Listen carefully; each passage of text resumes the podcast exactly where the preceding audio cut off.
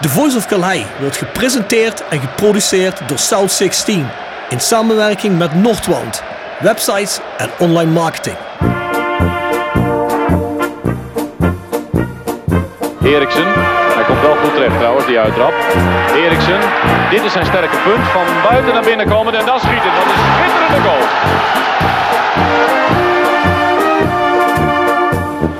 Hansen. Hansen nog steeds.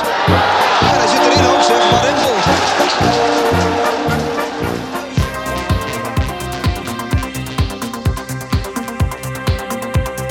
Van der Leur. Arnold. Over de lijn, het is 1-1 of niet?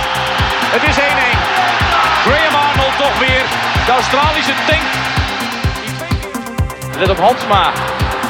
En dan is het Sivon die die bal teruglegt op Van der Leur. Hij ramt 3-1 binnen in de 49ste minuut.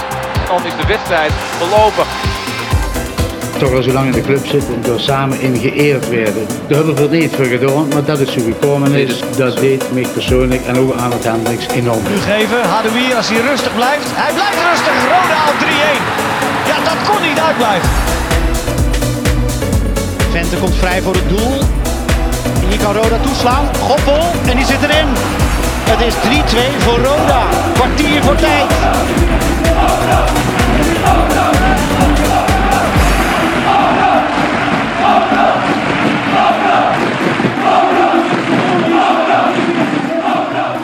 Ik ben Marco van Hoogdalen. U luistert naar de Voice of Calais. Goedenavond. Motelen. We zitten weer eens in de Bernardeshoeve bij Marco van Hoogdalen. En hebben we vandaag weer een gast van de wat oudere garde. Hebben we hier zitten, hè? Ja, goedenavond eh, Rob. En eh, laat ik eh, beginnen namens eh, de Voice of Calais om je te feliciteren. Je Ja, ziet er nog eh, redelijk fris uit. Dat, dat, Maar dat, eh, dat voor lijkt degene die het nog niet wist, eh, Rob is eh, vorige week eh, papa geworden van, eh, van een Vincent. Ja, bedankt Mo. Gaat allemaal goed, dus eh, ik ben tevreden. Ondertussen eh, is het al, als mensen dit horen, twee weken, want deze komt volgende week. Dus, oh, dat eh, klopt ja.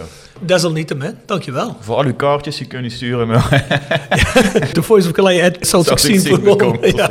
Hey, maar zoals gezegd, we zitten vandaag met een van de mannen van de wat oudere garde hier. Nou, ik ga ervan uit dat hij net zo'n goede verhaal heeft als al die andere mannen die hier gezeten hebben. ja, we gaan hem dadelijk introduceren. Ik ken hem met name van de laatste periode. Eh Jegers zou zeggen, de rest is van voor mijn tijd. Maar eh, iemand die twee periodes eigenlijk Roda echt geweest is, is over een tijdspanne van een jaar of tien. En daartussendoor nog een aantal hele interessante dingen heeft gedaan, Ja. eh, waar we graag straks meer over horen. 100%. Dus ja, daar komen we zo meteen op terug. En eerst een paar mededelingen. South16.com, dus South XVI, Romeinse 16.com. Dat is onze website. Daar kun je natuurlijk ook nieuwe line merch bestellen. Daar zit ook nog altijd de Glughof. Die kun je trouwens ook bij Café Bluff en Heerlijk krijgen. Ja, die gaan hopelijk ook weer vanaf woensdag open. Tot hoe laat? Was uitgelekt 10 uur? Tien geloof ik? uur, eh, begrijp ik. 10 uur. Maar goed, dat is in ieder geval beter als het nu is, hè? Nou ja, ik zou zeggen, wat maakt het verschil nog? Ja, een, eh, zeker. Een paar uurtjes erbij te plakken, maar... Aan mij hoef je niet te overtuigen. Kijk maar ja. even naar de horecaman eh naast ons. Ja, jij zult het ook wel prettig vinden, hè? Nou ja, 10 uur is beter dan 8 uur. Ja. Twee uurtjes meer omzet. Nou, zeker voor de natte horeca is acht uur natuurlijk helemaal niks, hè. Nee. eh, kijk, ik, heb bijvoorbeeld een café dat ligt buiten de stad. In het centrum van de stad, daar kun je nog mensen verwachten die wat gaan winkelen, naar de markt toe gaan. Maar als je buiten het centrum ligt en je hebt gewoon een wijkcafé, Ja. ja. Ik heb klanten die werken allemaal Ja. tot 5, 6 uur.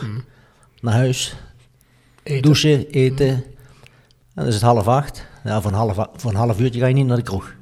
Nee, dat klopt.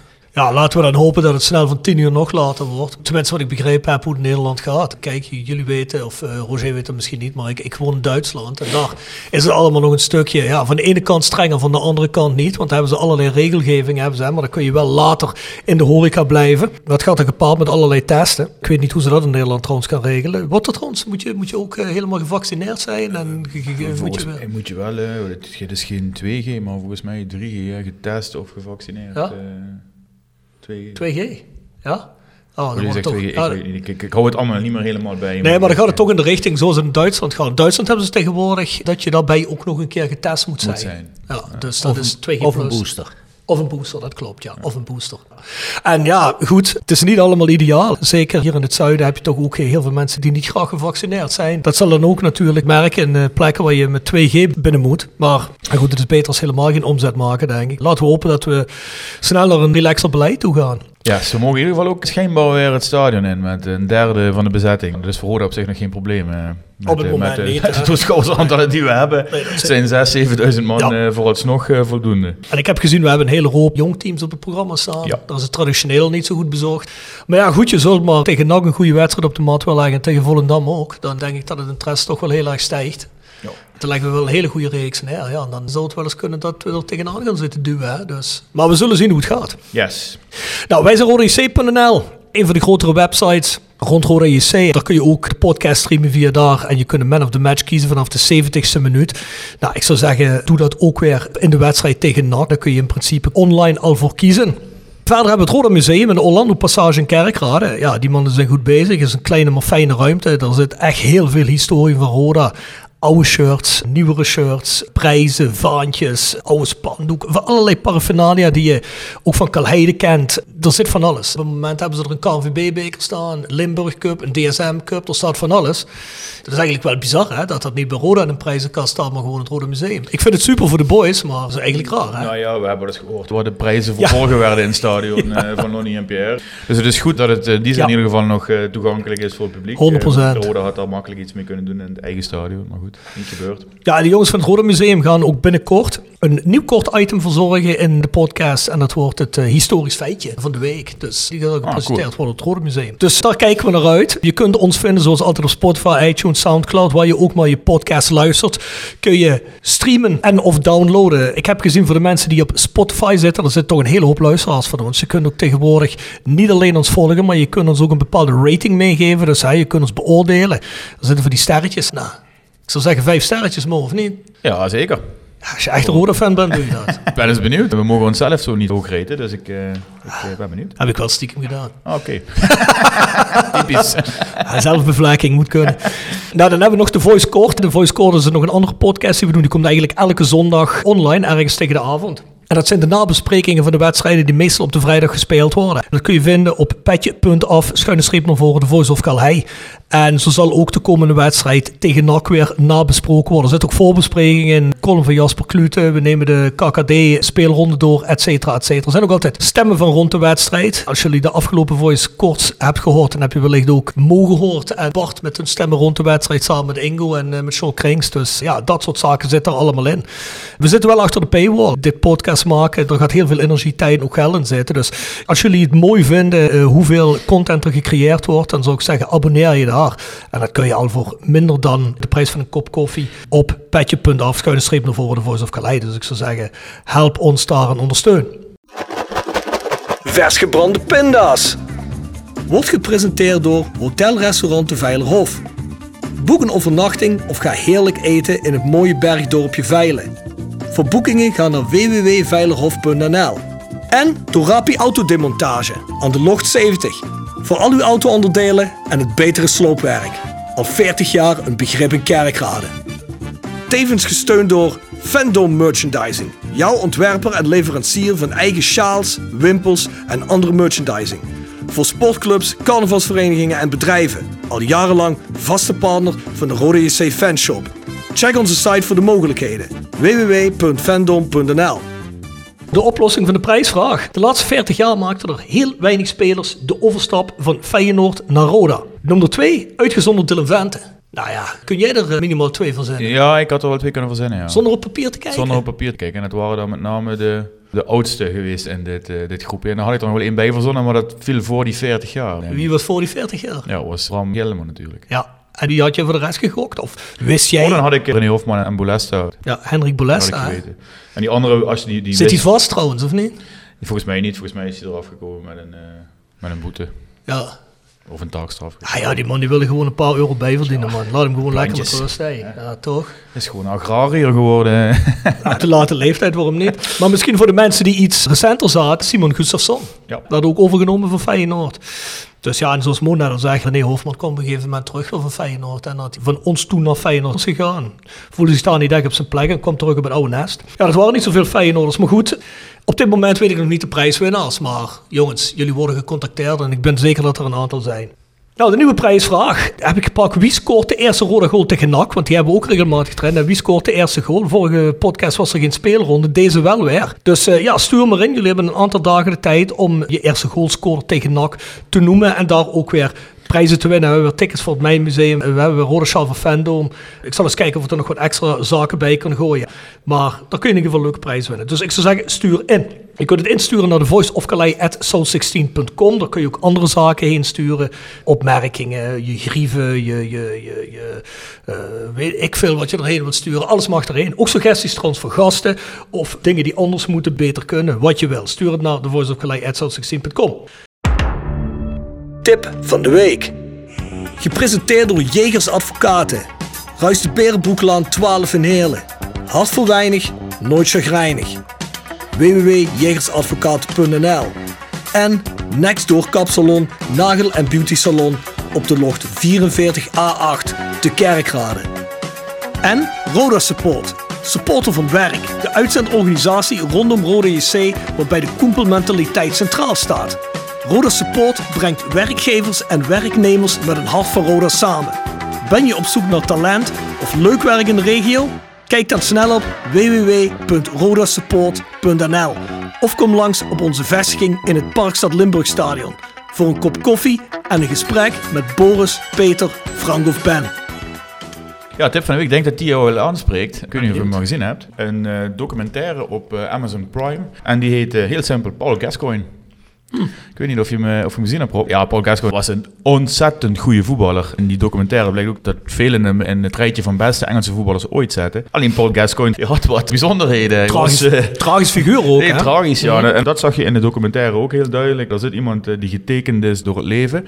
Was natuurlijk heel jong, al heel talentvol. En dat werd ook wel snel ontdekt. Maakte zijn weg via Newcastle naar Tottenham. Uh, in het Engelse elftal heel snel succesvol. Maar ook door die roem uh, en alles wat daarmee gepaard ging, daar kon hij heel moeilijk mee, mee omgaan. En met druk kon hij in die zin moeilijk omgaan. Niet als hij op het veld stond, wat je vaak hoort bij dit soort voetballers. Hè. Zo gauw ze op het veld staan en ervaren ze totaal geen druk. Maar alles daarbuitenom, daar lieten zich door beïnvloeden en ja. slecht beïnvloeden. Veel parallellen aan Diego Maradona, hè, wat ja. dat betreft. Ja, ja, precies. Hij is ook echt heel erg diep gezakt. En door, mm. um, op zich wel mooi, door de Engelse voetbalcommunity met name, weer er bovenop uh, geholpen. Mooie commentaren in die documentaire van bijvoorbeeld Gary Lineker, die eigenlijk met liefde over Gaza spreekt. En maar ook mensen als Mourinho die een woordje doen mm. over Gaza. Heel interessant om, om te zien, mooie documentaire. Ik had al de biografie van Paul Gascoigne gelezen, maar, maar dit is, was zeker de moeite waard. Zeker ook met, de, met de prachtige voetbalbeelden die daarbij ja. bij, bij horen. Heb jij die uh, One Night in Turin gezien? Nee, die heb ik niet gezien. Nee? Oh, dat moet je echt kijken, dat is echt een tip. Dat gaat dus over Engeland en hun, ja, hun WK-run in 1990. Was een halve finale, ja. worden uitgeschakeld in Turijn tegen de Duitsers. Ja, kwam wel heel nadrukkelijk ook, ja. hebben ze het over gehad natuurlijk. Ja, een klassieke foto van Gascoigne, hoe die staat te huilen. Hè? Ook omdat hij sowieso volgens mij was. geschorst zou zijn voor de finale. Dus hij wist al dat hij eigenlijk, uh, als dat het hoogtepunt zou worden van het Engelse voetbal, niet bij zou zijn. Ja, hij kreeg tijdens de wedstrijd die tweede gele kaart, kreeg die, die tweede gele kaart van het toernooi en was, was ontroostbaar tijdens de wedstrijd al. Ja, en daar gaat het ook een beetje over dat misschien daar ook de grondslag heeft gelegen dat Paul Gascoigne zo ontroostbaar was dat ze die wedstrijd nog verloren. Hè? Maar goed, het is allebei heel dramatisch. Alles wat altijd met Engels voetbal te maken heeft. succes is altijd heel dramatisch. Tenminste, als het om het Engels elftal gaat.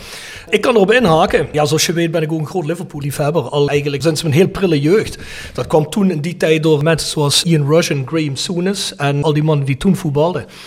Dat, is, uh, dat zal voor veel mensen zullen het namen zijn die zich wellicht niet kunnen herinneren. Maar ja, sindsdien ben ik dat altijd nou blijven volgen. Als ik een buitenlandse club heb, is het wel Liverpool. Dus ik uh, heb hier Steven Gerrard, My Story. En dat is eigenlijk ook een, een, interessant verhaal. Waarom is het een interessant verhaal? Omdat ik het interessant vind als iemand vanuit de regio komt en die dan eigenlijk zijn hele leven bij één club speelt.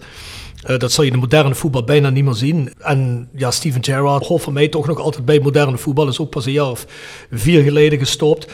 En uh, nou ja, goed, dat wordt natuurlijk ook een heel hoofdstuk heel dramatisch uitgemeten. Die gemiste kans uh, op het kampioenschap toen, hè, waar die uitglijden, die Chelsea-wedstrijd. Maar ja, goed, voor mij was Steven Gerrard altijd... Had ik die niet al eens genoemd, uh, Rob? Dat weet ik niet. Volgens mij wel. Ik weet het niet, maar dan noem ik hem nog eens. Dus, dus, dus, maar wordt een beetje zo Mark Vladeris-achtig. Mark Fledersachtig, hoe bedoel je? dat hij vaker genoemd wordt. Ach zo, ja, ja, ja, ja. Nee, ja, het zou kunnen. Maar ja, goed, ik weet het niet. Maar ja, heb je dat? Als je dat hebt, dan mijn excuses. Maar ik heb nog één. Nog een boek. Cultuurbanauze heet dat. En dat is geschreven door Stefan Andritske. Dat is iemand vanuit de harde kern van Calzas Jena. Hij groeit dus ook op in Jena, in ons Duitsland. Eigenlijk in een tijd van voordat eh, de muur valt. En het voetbal daar, het beleven van het voetbal, maar ook gewoon de cultuur in Duitsland die er daar heerst.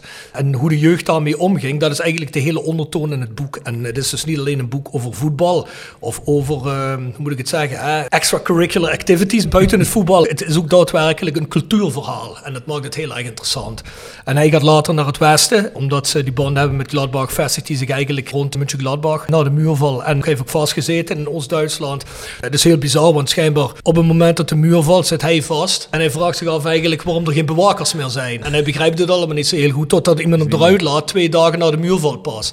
Dus het is een heel interessant boek. Dus Cultuurbanauze, Stefan Andrietske. Ik heb het thuis, kan dat je lenen. Ik denk dat jij het heel interessant zal Dan vinden. hoeven we niet op te. Dat is oude Karl Marx stad, toch? Jena niet? Dan is het nog helemaal verkeerd? Nee, nee, nee, nee, dat is Chemnitz, Dat is? Chemnitz, sorry. Het is toch nog iets rechter aan het spectrum daaronder. Dus.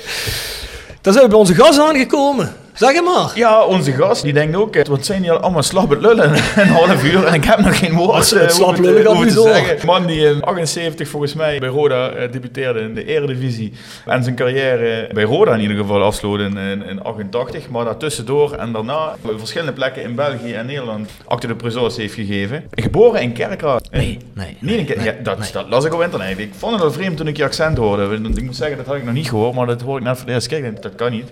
Maar dat stond 10 december eh, 1960 in Kerkrade. Dus dat is verkeerd. Ja, maar in ieder geval, we hebben het over eh, Roger Raven. Welkom. Roger, waar ben je dan wel Waar ben je wel geboren? In Heerlen. In Heerlen. Ja. Dat vermoedde ik al. Want toen ik net hoorde, toen Roger zei, ik ben de bedrijver van de Miobar. Ja. Toen dacht ik, ik zie een kerkraal, zie ik niet zo snel naar Heerlen Noord verhuizen.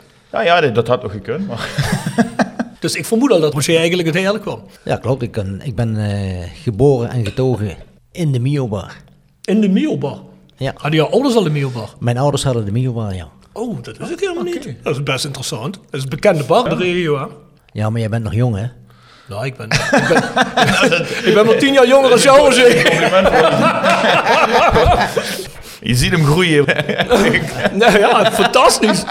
je bent de eerste die dat zegt. Nee, maar eh, de Miobar is toch best bekend, hè? Ja. Dus eh, ja, we staan al van eh 62. Dus Zijn jullie een tijd dicht geweest tussendoor of niet? nee, nou, alleen nou eh, met de corona zijn Ja. we dus eh, gesloten. Al twee jaar. Maar de Bio was een hele bekende bar, moet ik zeggen. Ja, je heel bekend. na- Dus dat Roger is- iedereen toch wel. hè? Dus Roger is geboren en getogen in de. Ja, zo kun je wel zeggen, ja. Dus je hebt ook gewoon echt het werk van je ouders overgenomen. Dat je zegt van, Nou, nou, heb- na voetballen wil ik dit ook echt doen. Ja, het was al eh, eigenlijk toen ik op, op de middelbare school zat, heb ik al gezegd van, eh, nou als ik straks eh, stop met alles, whatever, dan ga ik dus eh, de zaak van mijn ouders overnemen. Nou, dat is dus ook, eh, ook gebeurd, ja. Is dat nou lekkerder voetballen als je weet van ik heb straks na het voetballen sowieso iets? Is het dan minder stressig als je ergens uit je contract loopt of zo? Nou, daar heb ik nooit bij stilgestaan. Nee? Nee. Nee, maar ik kan het me wel voorstellen. Want je hebt ook voetballers die, zeker als ze wat ouder worden, zich dan zorgen maken. Ja, heb ik genoeg geld verdiend in mijn carrière? Dat heb je nooit. Maar je begrijpt wat ik bedoel, hè? Ja, ja. ja, ja. Nou kijk, eh, het voetballen was, eh, ja, ik, laat zo zeggen, ik heb nog nooit gewerkt. Voetballen was mijn hobby. Ik ben van school uit ben ik gaan voetballen. Ja, dat was gewoon, eh, ja, voetballen is mijn, mijn eerste liefde. Nou, na het voetballen ben ik café begonnen. Dat heb ik dan heropend. Omdat mijn ouders hadden in die tijd alleen nog maar de discotheek open. Nou, heb ik café heropend. Ja, dat is ook geen werken, vind ik. Tenminste, in mijn ogen niet. Omdat het is altijd plezier, leuk. De mensen maken een feestje, dus... Ja, en als je feesten bent, ja, dan ben je niet aan het werken, zeg Ik ik. weet niet naar werken, nee. Nee, maar dat lijkt me wel lekker. Het lijkt me heel leuk om een café. Het lijkt me ook zwaar werk. Of in ieder geval tot op een zekere hoogte. Maar het lijkt me gewoon echt leuk om een café te hebben. Ik bedoel, ik drink ook wel graag een biertje. Maar ja, je moet natuurlijk Ja. als kassenlijn niet de hele tijd alleen maar je eigen biertjes zitten te Nee, drinken. maar kijk, het- alles heeft natuurlijk twee kanten. Hè? Eh, je kunt ook pech hebben en dat er dus toch regelmatig dingen gebeuren wat, wat je liever niet in de zaak hebt. Hè? Iemand die een verkeerde dronk heeft en dan eh, bijvoorbeeld een, knokpartij ontstaat of zo. En dat is allemaal minder leuk. Maar valt dat wel mee bij jou? Of moet je vaak ingrijpen? Nou, ik hoef, eh, ik hoef eigenlijk nooit in te grijpen. Dus kijk, no- of nooit, nooit. In de discotheek is wel eens dat, nou, laat zeggen, één keer per jaar is altijd wel iets. Hè? Eh, dat iemand lastig is of, eh, opeens mensen ruzie hebben met elkaar. Nou ja, waardoor? Weet ik niet. Maar dan schijnt dan vaak dat ze dus ergens anders of een hele tijd geleden ergens eh, problemen met elkaar hebben gehad. Nou, en dan komen ze dan bij ons komen ze zich tegen. Ja, nou, wij weten niet wat los is. Maar ja, wij hebben er wel mee te maken dan. Duidelijk. Mo, denk jij dat Roger weet dat hij een gedeeld record in handen heeft in de Eredivisie of niet? Ik heb geen idee. Ik ken het record ook niet, moet ik eerlijk zeggen. Nee? Nou, het is namelijk zo. Iedere Nou, eerste wedstrijd gescoord. Sorry? Iedere eerste wedstrijd gescoord. Ja, ja, ja, dat zou ook kunnen. Maar dat, dat, Maar dat maar weet je ook niet. Nee, nee, maar die bedoel daar niet over Nee, horen. pas op, maar die bedoel ik niet. In ieder geval tot 2019 was het zo. En volgens mij is dat ook niet meer veranderd. Je hebt bij Willem II, daar heb je seizoen gespeeld, hè? Daar heb je acht keer gescoord in de eerste negen duels. In elk duel, als het goed is. Dat zou best kunnen. Dat is een eredivisie-record geweest. Wat je tot 2019 alleen dat. Dat heeft niemand anders gedaan in de eredivisie. Dus uit de eerste negen duels acht keer gescoord. Tot 2019 er was een andere Willem II die dat nadeed. En dat was Alexander Isaac. Dat is die donkere jongen die ze hadden. hè, In de spits tot een aantal jaar geleden. Die heeft dat nog mee. Dat vond ik wel een interessant feitje. Ik denk, misschien weet hij dat niet. Maar het lijkt me wel lekker. Zo vaak scoren in de eerste negen duels. Nou ja, Dus, zeker eh, als je net begint. dan- Maar heb je ook elke eerste wedstrijd gescoord? Ja, Ja? Bij elke club? elke eerste wedstrijd wat ik speelde heb ik gescoord. Oh, dat wist ik niet. Dat moet toch ook heerlijk zijn, of niet? Lekker binnenkomen. Ja, daarvoor werd je gehaald. Dat En is- dan die eerste wedstrijd, oh ja, dan, dan zal het mijn tijd wat duren. Ja, top. Maar we gaan eens heel even je carrière langs. Je bent denk ik in de jeugd niet bij Roda begonnen. Waar heb je in de jeugd gespeeld? ik heb eh, de jeugd tot mijn vijftiende heb ik bij eh RKVV Nieuweinde gespeeld. Het latere NEC. eh. Ja. Eh, dat was met toen 15 niet. speelde ik daar op het eerste. En toen werd ik door eh Jean naar Roda gehaald. Daar heb ik in, dat, in het jaar dat ik bij Nieuweinde op het eerste speelde, heb ik ook bij Roda getraind, een heel jaar. En daarna ben ik naar Roda gegaan, naar de A-jeugd. Nou, van dat elftal zijn er toen de tijd eh, toch verschillende jongens doorgegaan naar het eerste. We zijn toen, zeg maar, één jaar Roda A-jeugd. Waar ik zeg en schrijven drie wedstrijden gespeeld heb. De eerste drie van het seizoen. En toen heb ik er zeven maanden uitgelegen met een eh, knieblessure. En toen ik eindelijk weer mocht spelen, ja, er waren nog drie competitiewedstrijden. En die heb ik gespeeld op het tweede elftal. Met Shane Gerards, eh, die haalde mij daarbij. Twee jaartjes eh, tweede elftal heb ik contract getekend bij het eerste. En wie waren die jongens van die A-team die ook nog met je mee doorgestroomd zijn? Wat allemaal een contract hebben gekregen, dat was Emil Tubé, Michel Mommers, Raimondo Furtaccio, ikzelf, Frank Kraamakers. Of nee, nee, nee, die is eh, bij het tweede gekomen, niet, die zat niet bij de A-jeugd. Eh, wie had er nog meer? eh moet ik even gaan nadenken. Dus kom, kom, kom, kom misschien... eh, Komt zo meteen wel. Ja, ik kan me nu eindigen. Dan heb ik in de jeugd ook wel eens tegen gespeeld. Het slechtste wedstrijd ooit tegen. Het is goed dat Bjorn Jegers hier niet zit, want dat zou ook op de molen zijn voor hem. Die zou, die eh, zou zeggen dat het vooral aan jou lag, dat het een slechte wedstrijd Ja, ik maakte een eigen goal. Ik veroorzaakte een penalty. Ik werd eruit gestuurd, dus het was thuis bij TSV. Dus dat is mijn herinnering aan nieuw einde. Dat was ergens in de jeugd ooit. Maar in 78 maak je debuut in het eerste bij Roda. Ja, ik heb, eh, even kijken, ik heb de eerste keer gespeeld bij Roda op het eerste. In een vriendschappelijke wedstrijd uit tegen Standard Luik. En dat was op 10 december Je verjaardag. 77. Maar toen zat je nog niet vast bij de selectie. Nee. 17 jaar. Ja, dat is, eh, dat is ook jong. Ja, een beetje foreshadowing noemen ze dat Ja. in het Engels. Standaard leuk later, hè. Nou goed, dan kom je bij het eerste. Het eerste seizoen speel je volgens mij nog niet zoveel, hè? Het eerste seizoen dat ik zeg als eh, contractspeler was het zo dat ik, eh, ja, je zat bij de selectie, je trainde met de selectie mee, maar je speelde op het tweede elftal. Want daar hadden we, eh, even kijken, iets van 23, eh, 23 spelers. En ik geloof zeven stuk van het tweede elftal wat een contract hadden getekend. Maar ja, je kon niet allemaal spelen.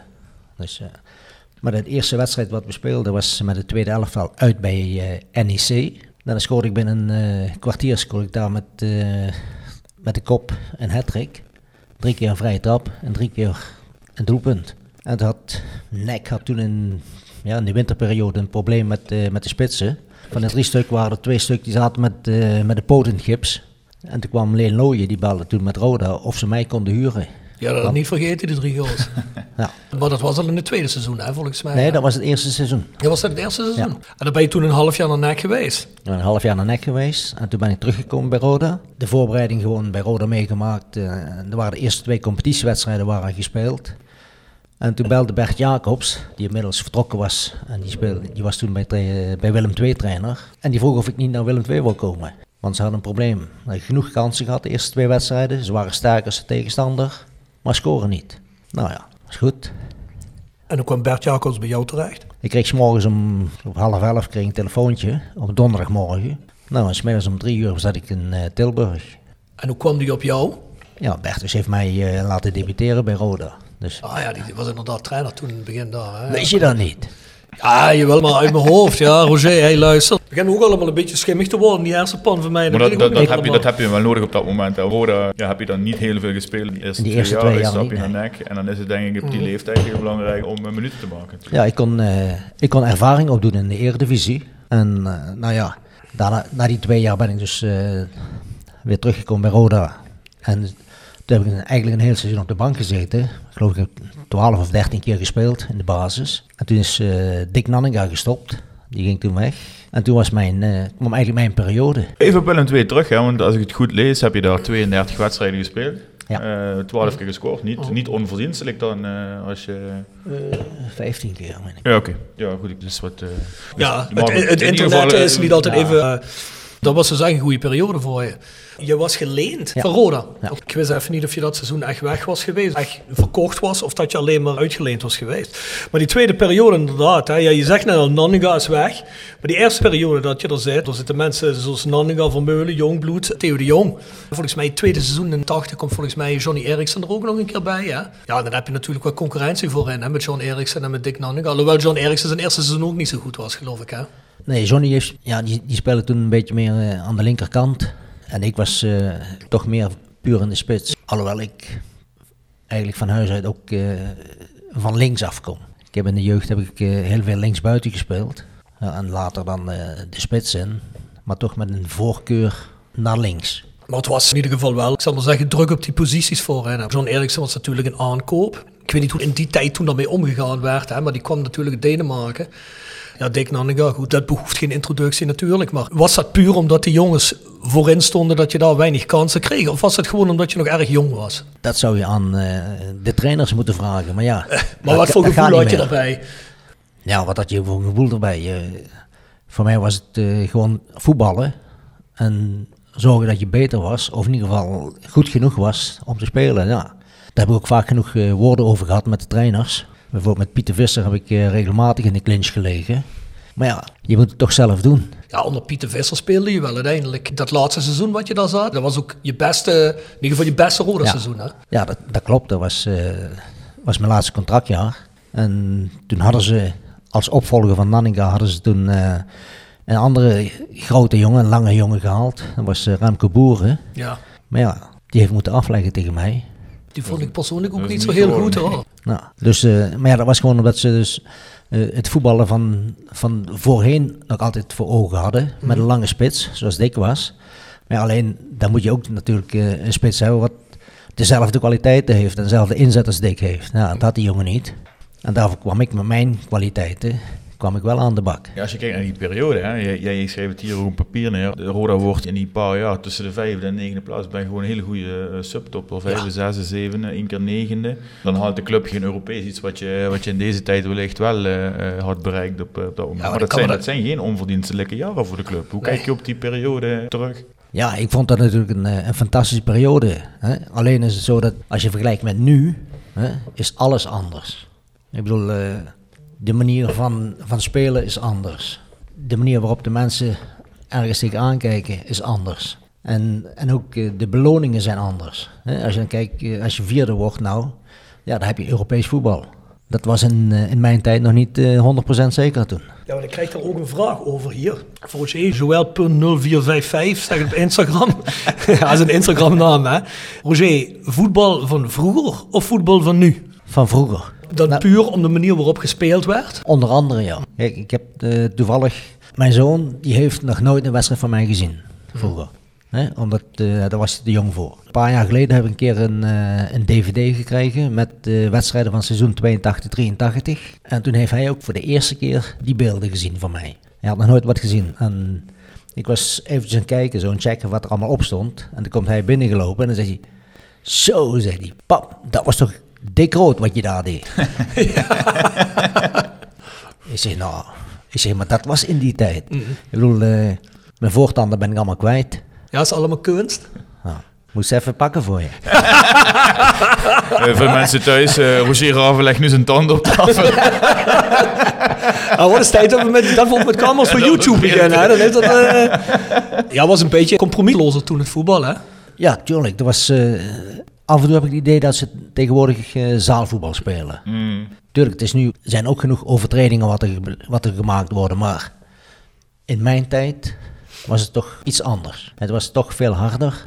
Hè? En eh, nou ja, werden ze jongen, eh, Leo Ehle, Jean Hansen. Hè? Als er iets gebeurde, nou, dat maakt niet uit. Een paar minuten later werd dat wel weer rechtgezet. Waar ligt dat dan aan? Hè? Ik bedoel, tegenwoordig eh, wordt alles gezien. Hè? Dat, is, dat is één. Hè? Ik bedoel, als de scheidsrechter dat niet ziet, dan zijn er wel eh, 20.000 Ja, camera's ja, precies, eh, ja. eh, weet ik allemaal. En vroeger kon je blij zijn als je überhaupt op Studio Sport eh, te zien was. Als er één camera in het stadion stond. Maar is dat het enige? Of is dat is het de maatschappij die veranderd is? Nou, vroeger was het op het veld harder en op de tribunes rustiger. Tegenwoordig is het andersom. Moeten die spirit een beetje van de tribune naar het veld overbrengen. Ja. Als je tegenwoordig ziet, wat, eh dan vraag je wel eens af, wat heeft dat nou met voetballen te maken? Allemaal die randverschijnselen. Nou, Roger, ik moet je wel zeggen, ik heb Kaleide ook al eens als Feyenoord was gerend voor mijn leven. Hoor. Dus, eh, Nee, dat, dat klopt. Dat klopt, maar ik bedoel, maar ik begrijp wat je bedoelt in het algemeen, ja.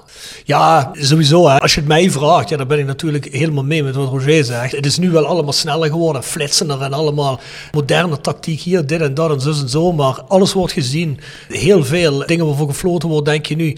Ook als een verslaggever zegt, ja, dit is duidelijk een penalty. Dan zit ik soms en denk van, hoe kan dit nou een penalty zijn, weet je wel. Maar sowieso die hele beleving. Maar het is ook... Kijk, ik vergelijk dat ook wel eens met muziek. Als jij muziek in je jeugd hebt, waar je mee bent opgegroeid en waar je volwassen mee bent geworden, heeft dat voor jou een hele andere lading als muziek die je nu hoort. Dan verbind je een bepaalde tijd en een gevoel mee. En dat heb ik met voetbal ook aan die tijd. Die tijd toen hij voetbalde, dat is de tijd toen ik begon naar Rode te gaan. De eerste keer dat ik ook op Kaleide was, Rode Ajax 1-1, goal René Hofman. Ja, dat zijn van die dingen, dat was stadvoetbal toen, dat was stad elftal. Leo Ele, Jean Hansen, hij, nog een hele hoop andere jongens.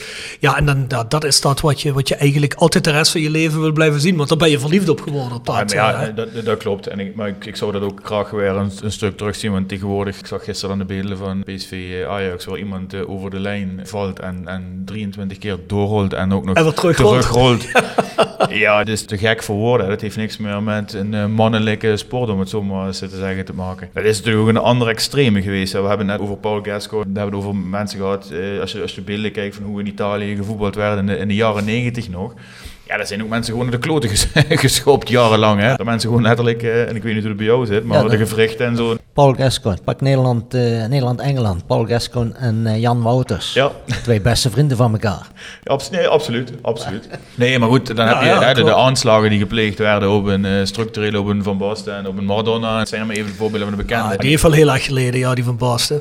Ja. En, en dat, dat, dat is natuurlijk weer de andere kant van de medaille. Maar wat, het er was kan helemaal niks meer. Hè. Je kunt, als er gekeken wordt naar de roze schoentjes, dan vallen ze al om. Ik word er ook niet vrolijk van. Ik denk dat je het gewoon kunt samenvatten in een paar woorden. hè. Een beetje echter en Ja. eerlijker.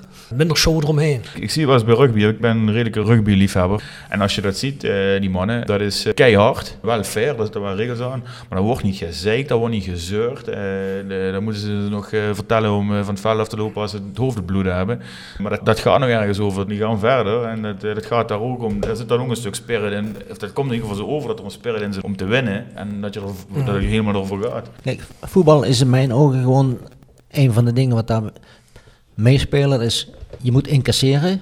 En als je kunt incasseren, mag je ook uitdelen.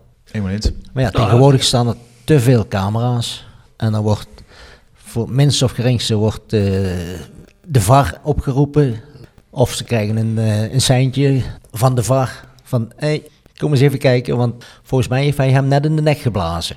Ja, Ja, dat mag niet. Kijk, zo'n VAR op zich vind ik sommige dingen interessant.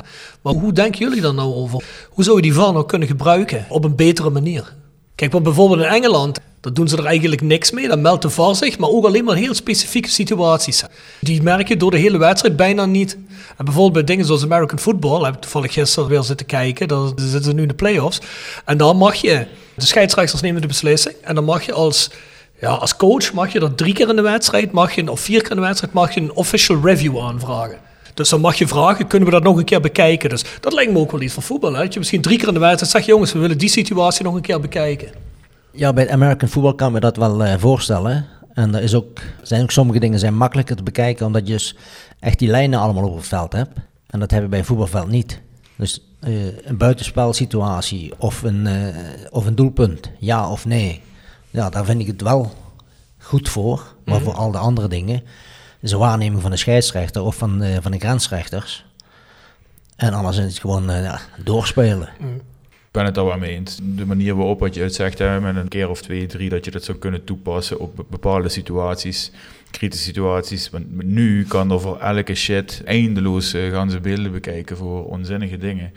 Komt er door discussies ook zoals gisteren weer over, ja, er ging eerst en de ingooi van tevoren, ging, was de bal uit of weet ik wat. Ja jongens, dat zou niet meer van belang moeten zijn. Ja, maar ik kan me nog een situatie herinneren, ja. bij een bekerwedstrijd van Roda, een jaar of vier, vijf geleden bij Willem II uit. Kun je dat nog herinneren? Weet ik even niet. Daar ging ook een spelsituatie echt vier, vijf passes van tevoren aan vooraf en daardoor keurden ze de goal nog af. Ja, jongens, het gaat ja, ik, vind dat, ik vind dat gaat te ver, maar het haalt ook heel veel van de snelheid uit het spel en een, een stukje spanning. Kijk, eh, als je een WK-finale een bal niet over de lijn hebt, ja, daar kan ik me iets bij voorstellen dat je een VAR zou moeten hebben. Hè? Of dat je dan geen buitenspelgoal wil zien. Maar vijf minuten doen ze erover om, uh, om een situatie te beoordelen. Ja, daar wordt het publiek niet vrolijk van, wordt het, het spel op zich niet beter van. Ja, ik kan me niet voorstellen, dat doet heel veel afbreuk aan het, uh, aan het voetbalspel. Mm. Zoals gezegd, ik kan me best voorstellen dat ze zeggen, luister, elk team mag drie keer per wedstrijd een VAR-beslissing opvragen, klaar. En de rest beslist de scheidsrechter. Maar kijk, en dan kun je die heel snel opgebruiken, maar dan heb je er ook geen meer. Dan heb je gewoon pech gehad. Ja, daar kom je toch niet over uit. Maar ik vond dat ook altijd zijn charmes hebben. Want ik weet niet of jullie allebei nog de wedstrijd kunnen herinneren van Rode tegen Girondin Bordeaux. Wat was het, de achtste finale van de... Ja. Die bal was volgens mij niet over de lijn. Het was niet over de lijn, maar dat dus, uh, Nee, ja, precies, maar dat bedoel ik. Dus het valt ook wel eens in je eigen voordeel uit. Maar, hè? Dus, uh, Roger was net vertellen over de verschillen in die periode tussen toen en nu. Hè. En het was harder, minder snel uh, halen Europees voetbal. Maar noem nog eens het van die karakteristieken op. Wat de charme van het voetbal toen was. De charme van het voetbal toen? Ja, eigenlijk alles. eigenlijk alles. Ik bedoel, de voorbereiding op de wedstrijd, dan de wedstrijd zelf na afloop de supporters. Gingen jullie ook altijd samen met de supporters naar de wedstrijd iets drinken of staan praten? Nou, we hadden na de wedstrijd, althans de thuiswedstrijden, hadden we dus uh, de beroemde houten keet op de parkeerplaats staan. Ja, en dat was tot een paar uurtjes na de wedstrijd was het daar altijd vol. En daar kwam dus van alles bij elkaar. Supporters kwamen daar, uh, sponsors, spelers. Dat was uh, hartstikke gezellig. En ik weet niet hoe het nu is. Ik bedoel... Niet zo. ik, ben, ik ben al twee jaar niet meer bij Roda geweest.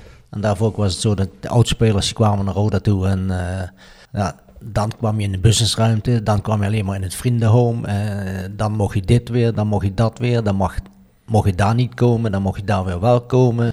Ja, alleen maar gehannes met de oudspelers. En uh, ik blijf er thuis. En als ik naar voetballen ga, dan ja, ik ga tegenwoordig meestal naar België toe. Naar een van jouw clubs daar? Ja. Daar gaan we dadelijk nog heel even over praten, van die periode. Ja, zeker. Heel erg interessant lijkt me dat. Maar daar horen we van meerdere oudspelers dit verhaal, hè Mo? Nou ja, we zeiden van tevoren al van... ik wil het er helemaal niet over hebben. Ze kunnen me kapot vallen. Ik ben er twee jaar niet geweest. En dat is niet iets wat uit de lucht komt vallen. Want dat roepen meerdere oudspelers. Dat is natuurlijk te triest voor woorden. Dan moeten we wel zeggen dat we tegenwoordig een nieuwe algemeen directeur hebben. Hè? Die is zelf natuurlijk ook net gestopt met voetbal. Ja. Die hebben wij ook in de podcast gehad. Daar hebben we het thema natuurlijk ook bij aangekaart. Omdat we best wel in contact zijn met redelijk wat oudspelers. En om de podcast om ook. En uh, die zegt ook, ik wil dat wel weer een era herstellen allemaal. Want uh, ik vind dat eigenlijk bizar. Want ja, dat is gewoon een stuk cultuur van de club, hè, die oudspelers. En ja goed, we hopen dat hij dat inderdaad ook wel gaat doen. En dan hopen we dat Roger ook misschien wel eens een keertje terugkomt bij Roda. Hè? Wie weet. Als dat weer allemaal een beetje fatsoenlijker geregeld wordt. Ja, je, je, moet daar gewoon dadelijk iemand mee aan de slag laten gaan. En uh, meteen, zo gauw als er mensen binnen kunnen, dat je voor die oude spelers, maar ook voor alles om Roda heen, omdat je dat clubgevoel en dat familiegevoel weer terug moet krijgen. En dat is een van de belangrijkste voorwaarden is om die gezichten weer daar te hebben en die mensen zich ook weer thuis te laten voelen. En niet op een plek te zitten waar op het moment dat er een nieuwe algemeen directeur of technisch weet ik, wat, wie, weet ik wie er komt, weer iets nieuws verzint. De tribuneplaatsen verplaatst, de kaarten, weet ik wat allemaal, wat, wat, ze, wat ze allemaal doen, wat Roger net omschrijft. Is toch te gek voor je moet er gewoon vanuit kunnen gaan. Dat je als oudspeler ja. altijd daar vertrek kunnen en welkom uh, bent. Ja, die gezichten wil je toch ook gewoon zien. Ik bedoel, als ik sponsor zou zijn of supporter, ik zou het fantastisch vinden om met die man in de hand te schudden en even een kort een praatje te kunnen maken. Het klinkt bijna als het coronabeleid. Je weet niet meer waar je aan toe bent bij als je als oudspeler een kamer aanvragen. Hoort je wel ja, niet. Maar daar gaan we Jonas Peters aan houden hoor. Dat willen we toch als fans ook een era hersteld zien. Hè? Want dat is voor ons is dat toch een van de dingen die het belangrijkste is in cultuurgoed nou van ja, Roda. Je, je ziet wat er gebeurt. Hè? Uh, die dingetjes, eigen initiatieven, zoals een Roda Museum, dat gelukkig gelukkig wel uiteindelijk door Roda geval gedeeltelijk wordt, uh, wordt gesteund daar komen wel oudspelers bij elkaar. Daar wordt wel die verbinding uh, gezocht. We hebben het al vaker gehad over uh, Oud-Roda, waar een aantal oudspelers dat zelf moeten organiseren en dat ook ja, met Siep bijvoorbeeld goed doen.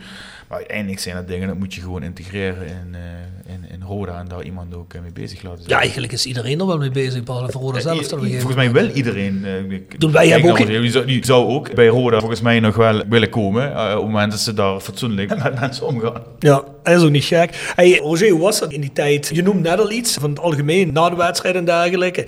Maar hoe is dan eigenlijk zo'n kleedkamer als zo'n Dick Nandiga zit, Jan Jongbloed, Roger Raven, Leo Elen. Hoe is dat onderling? Ja, hoe is dat gewoon? ja, maar ik denk dat het vandaag de dag wellicht toch een beetje anders is. Kijk, sommige, sommige jongens, uh, hè, zoals een Dick, uh, en Jan Jongbloed en Leo, ja, dat zijn gevestigde namen. En als jonge jongen kom je en je weet je plek. En als je dan een beetje een te grote mond hebt, nou, dan wordt dat even later buiten op het veld wordt dat wel geregeld. Heb je lang nodig gehad om je te bewijzen bij die mannen? Uh, nou, ik was uh, 16, toen trainde ik al regelmatig mee bij het eerste. En dan hadden we op een gegeven moment een, uh, een oefenpartij. En dan moest ik meekomen, moest ik dinsdagmiddag komen trainen van Jacobs. En dan spelen we een 5 tegen 5. Dan speelt Leo Eerle, die speelt mij een bal in, laag over de grond. En ik voel gewoon in, in mijn rug, daar komt, daar komt iets. Dat was Terry Lies. Die kwam met twee benen gestrekt vooruit op kniehoogte. Vliegen. en ik voelde hem instinctief aankomen, dus ik spring omhoog. En hij glijdt onder mij door. Ja, maar als je omhoog gaat, kom je ook weer omlaag. en toevallig lag daar een Engelsman onder mij. Nou, en ik kwam bovenop hem terecht met mijn, met mijn noppen. Nou, Leo Ille heeft zich kapot gelachen. En Terry lag te kreunen. Nou ja, maar toen werd ik meteen geaccepteerd door die jongens. Van, nou, uh, die is wel in orde. Die is niet Ja. Ja, zo gaat dat volgens mij tegenwoordig niet meer hoor. Als jij nu bij Jurgen Strappel met twee benen van achter komt op de training, hoef je volgens mij niet meer terug te komen. Precies. Nee, maar dat is wel mooi, hè, hoe vroeger uh, die hiërarchie eigenlijk veel natuurlijker was. Dat hoor je van veel oude jongens. Ook jongensgeneraties na hem, dat het toch veel meer is en dat dat steeds meer druig ja, gaat. Je, je wilt toch denk ik als gevestigde groep ook weten wat je voor vlees in de kuip hebt. Want het zijn wel de elf man waar je zondag de strijd mee aan moet. Uh, waar je wil weten wat je, of je er van de bank ja. kunt. Dat, ik vind dat niet meer dan logisch. Kijk, je, je hebt een contract, je krijgt je, je salaris per maand betaald. Maar we spelen ook voor de premies. Nou, en op zondag ga je voor die premie spelen. Want dat is, jouw, ja, dat is de bonus wat je krijgt. En die moet je toch met, uh, met elf man op het veld en dan die paar man op de, tribu of op de, op de bank nog. Daar moet je mee verdienen. En dan wil je gewoon weten van, nou, op hem kan ik aan als er wat is. En dat laatste seizoen van je eerste periode, hè? dus het was dat 82? 82, 83. 82, 83. Ja, dat was je beste seizoen eigenlijk. En volgens mij 17, 18 goals scoorde toen in dat ja. seizoen. Was jij toen een van de mannen die al wat hoger in de hiërarchie stond? Was je toen al hoger in de hiërarchie geaccepteerd? Want je was nog wel redelijk jong. Was er niet zo oud toen, hè? Nee, toen was ik 22. Maar had je ook een hogere status omdat je gewoon scoorde?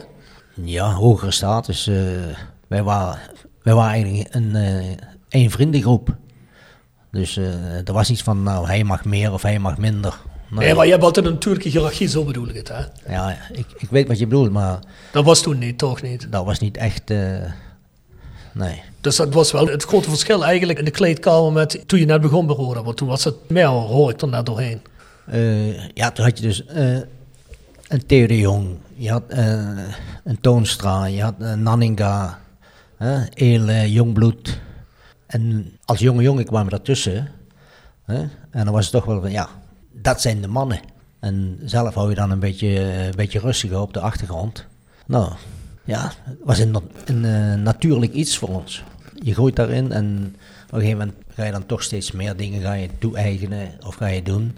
Maar wij waren allemaal, uh, ja, we stonden allemaal op, een, op, op één lijn, dezelfde hoogte. Ja, wat later, dat laatste seizoen van die eerste periode, toen zaten jullie wel volgens mij qua leeftijd meer op één lijn. Waren die oudere gasten waren allemaal of weg of gestopt, denk ik. Ja, de oudste was uh, Leo Ehle en uh, Jimmy Calderwood. Maar toen hadden jullie ook uh, jongens Peter van der Ven op een gegeven moment erbij. Jos Smit, ja, Eus Marijnissen. Van geheel. Ja, Martin was, is van mijn leeftijd. Die scoorde ook best veel. Scorende middenvelder, hè? Ja. Is dat lekker voetballen met zo iemand achter je? Eh, tuurlijk, ja, het hele spel van ons was, eh, was op afgestemd. Hè? Het was niet zo van, kijk, voorheen had je dus eh rechtsbuiten, linksbuiten, actie maken en die bal op Nanninga spelen. Nou, bij ons was het zo, hadden we voorin hadden we Hofman, mijn persoontje en Johnny Eriksen. Nou, Johnny en ik, wij wisselden nogal veel. En voor de rest was het zo dat wij dus diep gingen, we lieten ons zakken.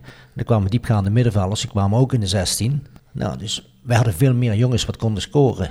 Het is veel dynamischer eigenlijk. Ja. Ja, wat een voorhoede ook, hè? Graven, Eriksen en Hofman. Dat zou ik nu mooi doen bij. Alhoewel ik wel zeggen, die jongens die nu zitten, voor hun niveau is dat echt heel goed. Maar ja, ik denk dat de mensen, ja, dat klinkt natuurlijk als een oude lul nu, maar die mensen die dat niet live meegemaakt hebben, dat was wel... eh, ik kan me nog een wedstrijd herinneren, ik weet niet of jij toen al weg was. Volgens mij een wedstrijd tegen PEC thuis. Eh, Was John Eriksen volgens mij vier of vijf keer scoort. Volgens mij wonnen we die 6-2 of zo. Zoiets moet het geweest Nou, toen zijn. was ik al weg. Ja, ja, kan zijn. 85 of 84. Maar dat was, dat was echt... Jij in het laatste seizoen best veel goals gemaakt. Dan had je nog van die Hofman die regelmatig scoorde. Die scoorde dus in het, eh, in het laatste seizoen 82, 83 scoor je 18 keer. En dan verlaat je Roda. Neem ons mee wat daar, eh, wat daar gebeurt gaat naar België. Moest weg, wil je weg. Nou, mijn contract was afgelopen. En nou, ik ga dus praten met Roda. En we waren eh onderhandeling. Ik had, een, eh, ja, ik had gezegd wat, wat ik wilde verdienen. Dan kreeg ik op een gegeven moment op dinsdagavond een telefoontje van eh, Hans Curver, de manager. En hij zei van, luister Roger, we kunnen je dit en dit bieden als je ermee akkoord gaat. Ik zei, nou, zeg prima. Nou, vijf minuten later kreeg ik een telefoontje van een journalist van het Limburgs Dagblad. Heb je gehoord? Ik zeg wat? Guthrie heeft getekend bij Roda. country. Nou, dus wat was nou? Hans Curver heeft mij gebeld met de telefoon op de intercom. En Guthrie luisterde mee. Dat hebben ze gebruikt om hem te laten tekenen voor wat, datgene wat ze hem hadden voorgelegd. Nou, hij heeft toen eh, getekend en de belde Curver mij later op van eh, luister, Roger de sponsor gaat, niet, eh, gaat toch niet helemaal akkoord ermee. Ik krijg hem niet om, dus helaas, je mag weg. Toen heb ik s'avonds met mijn vader gepraat. Ik zeg, nou dan moet ik even kijken. Ik had drie mogelijkheden, drie clubs waar ik naartoe kon. Nou, dan heb ik gekozen. Ik zeg, nou dan gaan we naar België toe. Wat waren die andere clubs? Eh, eentje was FC Utrecht. Nou was Willy Cabot was weg, die was naar Brugge toe. Ook geen slechte club. Nee. En eh, Ajax was ook ter sprake toen, maar daar had ik zelf eh, totaal geen zin in. Want wat, wat moet je bij Ajax? Eh er loopt een Marco van Basten, die kwam net aan. En Wim Kief liep er nog. Nou ja, dat zie ik dus eh, absoluut niet zitten. Nou, dan kijk je waarschijnlijk een heel seizoen uit een dugout. Maar wat zou de beweegreden voor Roda kunnen zijn dan? Je scoort 18 keer in 33 wedstrijden. Wat kun je nog meer van een eh, spits verwachten? Waarom moest er een nieuwe spits komen? Ja, ik zou het niet weten. Het kan maar één ding eh, zijn, is dat, eh, dat ze een grote spits wouden hebben. Ja, want dat vraag ik me inderdaad ook af. Want je zegt net al, van, ze hadden al Remco Boeren gehad. Voor dat Dick Nanninga Effect, concept ja. weer, hè? Maar ja, dan haal je dan weer zo'n jongen. Want ja, ik was niet onder de indruk van Chris Guthrie. eh. dat, is ook niet, eh, dat is ook niet uitgekomen. Nee, want ja, ik heb er verder, ik, heb, ik ben naar België toe gegaan en eh, wat, wat toen allemaal bij Roda gebeurd is, en met de spelers en zo weet ik niet, maar ik heb alleen gehoord dat, dat Guthrie schijnbaar met, eh, ja, in één keer was hij weg. ja, ja, ik weet het niet. Ja, Ik kan me alleen maar nog herinneren dat ik hem niet goed vond. Ja. Die was in één keer weg. Ja, dat was in, in één keer, ja, die is schijnbaar naar, eh, ik weet niet, Japan of zo is hij vertrokken. Ah, oké. Ja, de Dus- begonnen ze die competities dan net, hè, die J-League. Daar kon hij waarschijnlijk veel centen vangen. Hey, maar dan ga jij naar Erwin Molenbeek. Maar voordat we daarheen gaan, gaan we eerst een rubriek doen met je. Jolis Jo wordt gepresenteerd door RodaJC.goals. Het Instagram-account voor je dagelijkse portie Roda-content. Iedere dag een doelpunt uit onze rijke historie. Van Aruna Kone tot Shane Hanze. Van Bob Peters tot Dick Nanninga. Volg RodaJC.goals op Instagram. Nog geen zonnepanelen op uw dak? Bij Marimi Groep in Kerkrade en Heerlen bent u op het juiste adres voor duurzaam advies. Bespaar direct op uw energienota met een hoogwaardig zonnesysteem van Marimi Groep. Marimi Groep werkt uitsluitend met hoogwaardige zonnesystemen die voldoen aan alle eisen van de grootste keurmerken in de solarbranche. Kijk op marimi-groep.nl en maak een vrijblijvende afspraak voor professioneel advies op maat. Van advies tot montage, alles in eigen huis. Persoonlijk contact staat bij ons op nummer 1. Marimi Groep, als kwaliteit uw keuze bepaalt. Tevens gesteund door Metaalgieterij van Gilst. Sinds 1948 uw plek voor gietwerk in brons. Van brons, van Gilst. Jolis Joel is onze rubriek van vragen. Wat is je meest memorabele Roda goal? Mag een van jezelf zijn, mag een van iemand anders zijn. Nou, de meest memorabele. Maar zij wel een van de mooiste was eh, tegen Groningen. Een omhaal, diepe bal van achter. Maar dat was in de, in de tweede periode, in, eh, in 88. En een diepe bal van achteruit. Die gaat over Huub Smeets heen. En ik controleer hem. Ik kom hem zelf nog omhoog. Een beetje de lucht in. Maar ik sta met de rug naar de goal toe. En dus nou, dan maak ik een omhaal en dan score ik. Kan ik me zo niet voor de geest meer halen, maar dat klinkt als een hele goeie. Was hij uit of thuis? Thuis. Die gaat Ivo Kals gegarandeerd vinden. Weet je nog of die uitgezonden is op tv? Die is uitgezonden, ja. Ah, dan Ja, heeft dan heeft hij Dan heeft hij. De mannen van Ivo Koos van, eh, hoe noemen ze het, Roda Goals? Ivo is zelf niet bij Roda Ivo, Goals, I- oké, maar die eh, levert, ook van het museum, van de, ja, cu- van de die levert alle data. Ja. Ik weet niet of je die DVD toen, die misschien ook van hem kwam, waar je het over had van tevoren. Maar Nee. ja, als je Roger Raven materiaal wil hebben door de jaren heen van Roda, als het uitgezonden is, die heeft het. Ja. Toen moet je misschien eens even in contact met je brengen als je daarin geïnteresseerd Ik zou weet dat eh, Ivo luistert, dus eh dat kunnen we makkelijk regelen. Ja, zeker. Maar luister, ja, die gaan we op, eh, op Instagram en dergelijke posten. Hè. Ja, dan kom je bij RWD Molenbeek. Kom je daar terecht? Hoe kwamen die in jou? Eh, dat was de voorzitter, de, de eigenaar van de club, eh, de heer eh, Leclus. Die had mij gezien bij Willem II. En die had mij dat toen ook zien spelen samen met eh, Twan van Mierlo. Want hij heeft ook toen, Twan van Mierlo wou die hebben. En die hebben ze toen ook gecontracteerd in dat, in dat seizoen. En toen ik vrij kwam, ja, dan wou hij natuurlijk mij ook hebben. Ik heb dus, eh, nadat Roda mij afbelde, heb ik contact opgenomen met eh, RWDM. Nou, en de dag erop was het al geregeld allemaal. Dat was toch ook een club waar eh, die voorzitter, dat was toch ook eentje die redelijk wat cent had. hè, En die wilde investeren, geloof ik, hè? Nou, dat was een, eh, een bouwondernemer. On, ongeteld geld. Moeten we hierop doorvragen, Roger? Ja, Of, ja, eh? je, kun- je kunt je voorstellen, ik bedoel, in de jaren 80 eh, Roda, al, maar zeker in België, dat was natuurlijk veel geld in omlopen. Laat het daarop Eh, houden. J- J- Jean zei over zijn tijd in Hongkong altijd envelopjes en horloges, zei hij altijd. Nou, la- laat ik zo zeggen. Ik heb, in België was toen de tijd normaal dat je twee contracten had. Een officieel en een iets minder officieel. Maar ik heb bijvoorbeeld ook dingen meegemaakt daar... eh, ik zat toevallig met de zoon van de voorzitter, was een manager, Ja. Robert Leclus. Daar had ik een afspraak mee en eh, dat was ja, rond de middag. We zouden eigenlijk eh zo even een paar dingen doornemen, wat hij mij beloofd had. En toen kwam opeens kwam, kwam iemand binnen van, luister Robert, er zijn twee heren van eh, Financiën. Ja, zei hij, eh, hou ze eventjes, eh, hou ze even aan de praat, geef ze een kop koffie of zo, want het is bijna 12 uur, anders dan moeten we ze alles, alle boeken geven. Nou, is goed. En was het, ik geloof 5 voor 12, zei hij van, kom maar, we gaan, dan, dan gaan we dadelijk wat eten. Ik zeg, ja, is goed. Dan komen die twee aan en zeggen, ja nee, wij moeten nu die boeken hebben. Dan zeg ja luister, zei die, dat gaat niet. Kunnen we dan, dan zijn we gaan eten, met vier man. En hij staat aan tafel op een gegeven moment, haalt hij uit zijn zak, haalt hij twee enveloppen en die schuift hij zo links en rechts. Kloos met 5000 frank. Dat was, hè? was Ja. de wereld ook niet, maar... Dat was iets van 250 euro Ja, of zo. ja. hè, ja. En nou, is goed. We hebben gegeten en gaan we terug naar het, eh, naar het gebouw toe van uh, Leclus. En zei, heren, moeten we, als jullie nu naar de kamer willen gaan, dan eh, zal ik zorgen dat de boeken allemaal komen. Dan kunnen jullie controleren. Al wel, eh, het klopt wel, denk ik zo. Hè? We komen volgende maand alweer eens terug. Schitterend eigenlijk. Hè? Die, daar heb je al wel legio verhalen uit die tijden. Hè? Ja. En dat seizoen bij RWDM, hoe was dat? Je speelt al het hele seizoen, hè? Scoort, scoort al 15 keer. eh. ja, en kom je op die manier ook dan bij Standaard terecht? Vissen die jou via RWDM op of van tevoren stond je al op de radar bij hen? Eh, ja, hoe is dat precies gekomen? Eh, laat ik zeggen, een grote dank aan de heer Bellemans. Nooit van gehoord? Nee, Bellemans? Nee. Nee. Zwart geldonderzoek in België? Oh, wacht. Ja, nee, ik begrijp wat je bedoelt. De, De heer- de de- heer- de- de Standaard zat er toen verwikkeld, hè? Of niet?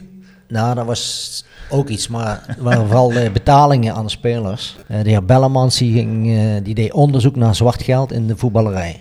Ik denk dat die goede heer nu nog ergens in, eh, in Brussel op een bijkantoortje postzegels aan plakken is. Want hij heeft één grote fout gemaakt. Eerst viel hij bij Anderlecht binnen. En dan was eh, Constant van der Stok, de voorzitter, die zei... Jij blijft van mijn spelers af. Als je iets hebt, dan kom je bij mij. En als er iets betaald moet worden, dan betaal ik dat. Je blijft weg van mijn spelers. Nou, de volgende waar hij naartoe ging, dat was A-agent. En daar zat eh, de voorzitter, die was toevallig minister. Klinkt een beetje Italiaans, hè? Ja, ja, ja. Ja, ik kom even niet op de naam. Maar daar kwam hij dus ook binnen en die wou hij dus ook eh, aanpakken. Nou ja, dat heeft hij geweten. Want die zei gewoon van, eh, nou luister, eh, het is goed. Jouw positie is vanaf nu vergeven. Positie elders. Ja, ja precies, toen al. Je werd gedowngrade, werd heel snel. Wat ik daar bedoel, eh, dat jaar nadat jij, bij, of dat jaar waar jij bij Standaard binnenkomt, dat is het jaar na die omgekoopaffaire bij Waterschei, hè? Ja. Waar ook door Erik Gerrits voor naar Ja, MVV seizoen. vlucht en dat soort dingen allemaal, hè? Dat was eh, seizoen 82, 83. En, of, eh, drie- ja, 82, 83. Ik ben toen naar Standaard gegaan, omdat vanwege die Bellemans-affaire, die kwam bij elke club kwam die dus eh, zoeken. En ik, kwam, ik moest bij RWDM op, het bureau, op het bureau komen bij Lecluse. En die zegt dan, luister, wij kunnen jouw contract volgend jaar niet meer betalen. Dus trek je conclusie maar. En eh, ik zei ja. Nou, zei hij, luister, zei jij mag weg voor het geld waarvoor je gekomen bent. Nou, prima. Dat was in eind maart, begin april. Ik heb daar verder stilgehouden. En toen hebben wij contact gehad met eh, Brugge. En een afspraak gemaakt met Brugge. Dat we op een woensdagmiddag zouden we ons treffen. En op maandagavond kreeg ik een telefoontje. Van spelersmakelaar uit Belgisch Limburg of ik al getekend had bij Brugge. Ik zeg, nee. Zeg, eh, ik weet niet waar je het over hebt, maar zeg, je nou, zeg, luister, eh, ik weet dat je in gesprek bent met Brugge en eh, ik heb een andere club voor jou. Maar ja, ik hoorde aan zijn accent dat het een Limburger was. Dus hij zegt, ik heb een hele goede club voor jou. Veel korter bij huis. En ik denk, ja, ik zeg, wa zeg waterschei of winterslag. Ik Zeg, daar heb ik geen, eh, daar heb ik geen interesse in. Nee, nee, zegt hij, eh, een andere club. De andere kant uit. Ik zeg, en dat is? Nou, standaard. Nou ja, dat veranderde de zaak natuurlijk. Ik zeg, nou, zeg, is goed. Nou, luister, zegt hij dan dinsdagmiddag om twee uur in Luik. Kan dat? Nou, ik zeg, is goed. Ik zeg, ik kom wel. Nou, toen heeft mijn vader gebeld. Ik zeg, eh, pap, we gaan morgen naar, naar Luik toe. En dan eh, kijken wat daaruit komt.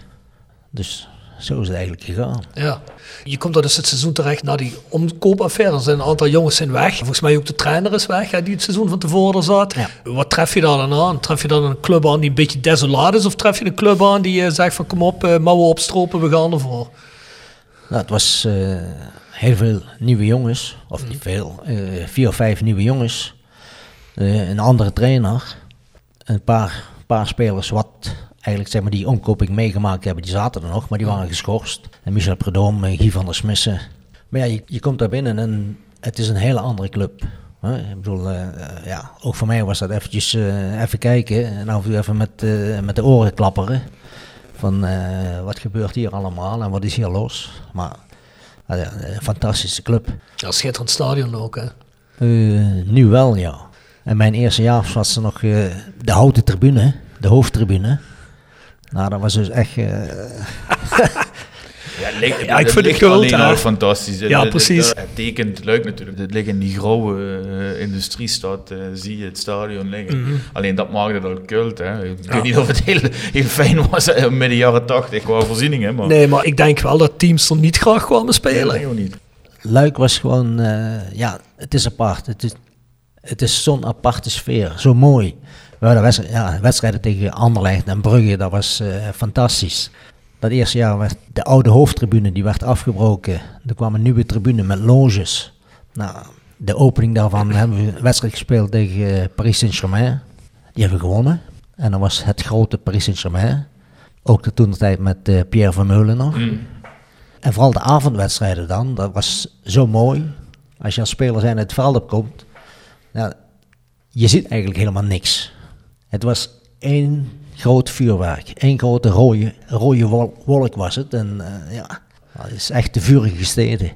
Ja, dat is toch altijd, hè? Die tribune daar, en ik weet niet welke kant het is, maar dat thuisvak daar, waar die ultras zitten, is toch altijd heel erg extreem.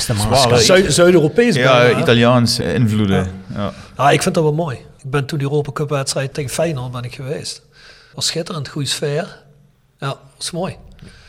Nou, ik vind dat wel mooi, zo'n clubs. En, en eh. jij zelf, eh, als je kijkt naar je, naar je eigen periode bij Standard hoe was dat? Succesvol?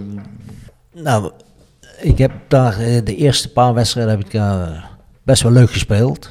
Totdat de eerste Europese wedstrijd was uit in Engeland. Of in Ierland eigenlijk. Glentoran, hè? En, ja, daar heb ik een, eh, in de eerste helft een, een teenbreuk opgelopen. Maar dat wist ik dus niet. Had wat pijn. Mhm. Maar ja, en dat heeft zich eh, drie een kleine drie maanden heeft dat eh, geduurd. Terwijl eh, na terugkomst in België hebben we foto's gemaakt. ja, er is niks gebroken. Nou, oké. Zo zwaar gekneusd. Tenen aan elkaar getaped. Schoenen een halve maat kleiner. Dat het goed strak zat. Ja, en alles met links moeten doen. Maar ja, op, training, als iemand gewoon met een sliding, gewoon met een been over langs mijn voet af kwam, nou, dan sprongen de tranen in de ogen. Ik kon echt niks meer. Maar ja, er was niks anders en er was niks te zien, er was niks kapot. Dus eh, je voetbal door, niet zeiken en dan alles met links doen. Ja, dat heeft mij een beetje eh, dat eerste jaar de kop gekost. In die zin dat er dus eh, nog een andere speler gehaald werd, een andere spits. Er wordt ook nog eens zo dat Horst Roebes hier geblesseerd, kruisband naar de kloten. Ja, dus ze moesten weer een speler halen. trainer wordt ontslagen, je hebt een andere, andere trainer. Eh, je hebt toen de tijd nog een buitenlandersregel. Hè? Je moet vijf jaar in België spelen, dan ben je voetbalbelg. En anders mogen er maar drie spelers, eh, drie buitenlanders zijn. Ja. Alleen had dan de pech dat er eh, een paar Joegoslaven waren. Nou ja, Roebers zelf, die liep er ook nog. Een Joegoslavische trainer kwam. Ja, dat is bekeken natuurlijk. hè. Ja, toen was het heel snel van, ja, ja, wie speelt, wie zit op de bank of op de tribune? Nou, die Hollander. Wat had je dan nou eigenlijk aan die teen? Heb je dat nog ooit uitgevonden? Of, eh? Ja, die was, eh, was gebroken. We hebben op een gegeven moment eh, een wedstrijd bij Club Brugge gespeeld, uitwedstrijd bij Brugge. Spelen we 1-1. Er wordt een doelpunt afgekeurd van me, het zuiverdoelpunt. En dan kom ik dus bij de club en ik zei, luister, ik, ik vrek van de pijn. zei de dok- nou, ja, daar liepen geloof ik drie of vier dokters rond. En toevallig, die dokter die zegt toen tegen mij van, luister, morgenmiddag kom je bij mij langs, het ziekenhuis, en dan maken we foto's. Nou, prima, foto's gemaakt. Godverdomme, dat die, eh, die is gebroken. En je zegt, wat? Ja, hier zit die liet een foto zien, een röntgenfoto, mooi, mooi wit lijntje. Eh, ik geloof alleen nog een paar millimeter nog, wat, eh, wat nog niet mooi dicht was. Ach, En nou zei hij, dat we twee weken nog even niks doen. En toen had ik het, toen had ik het gezien.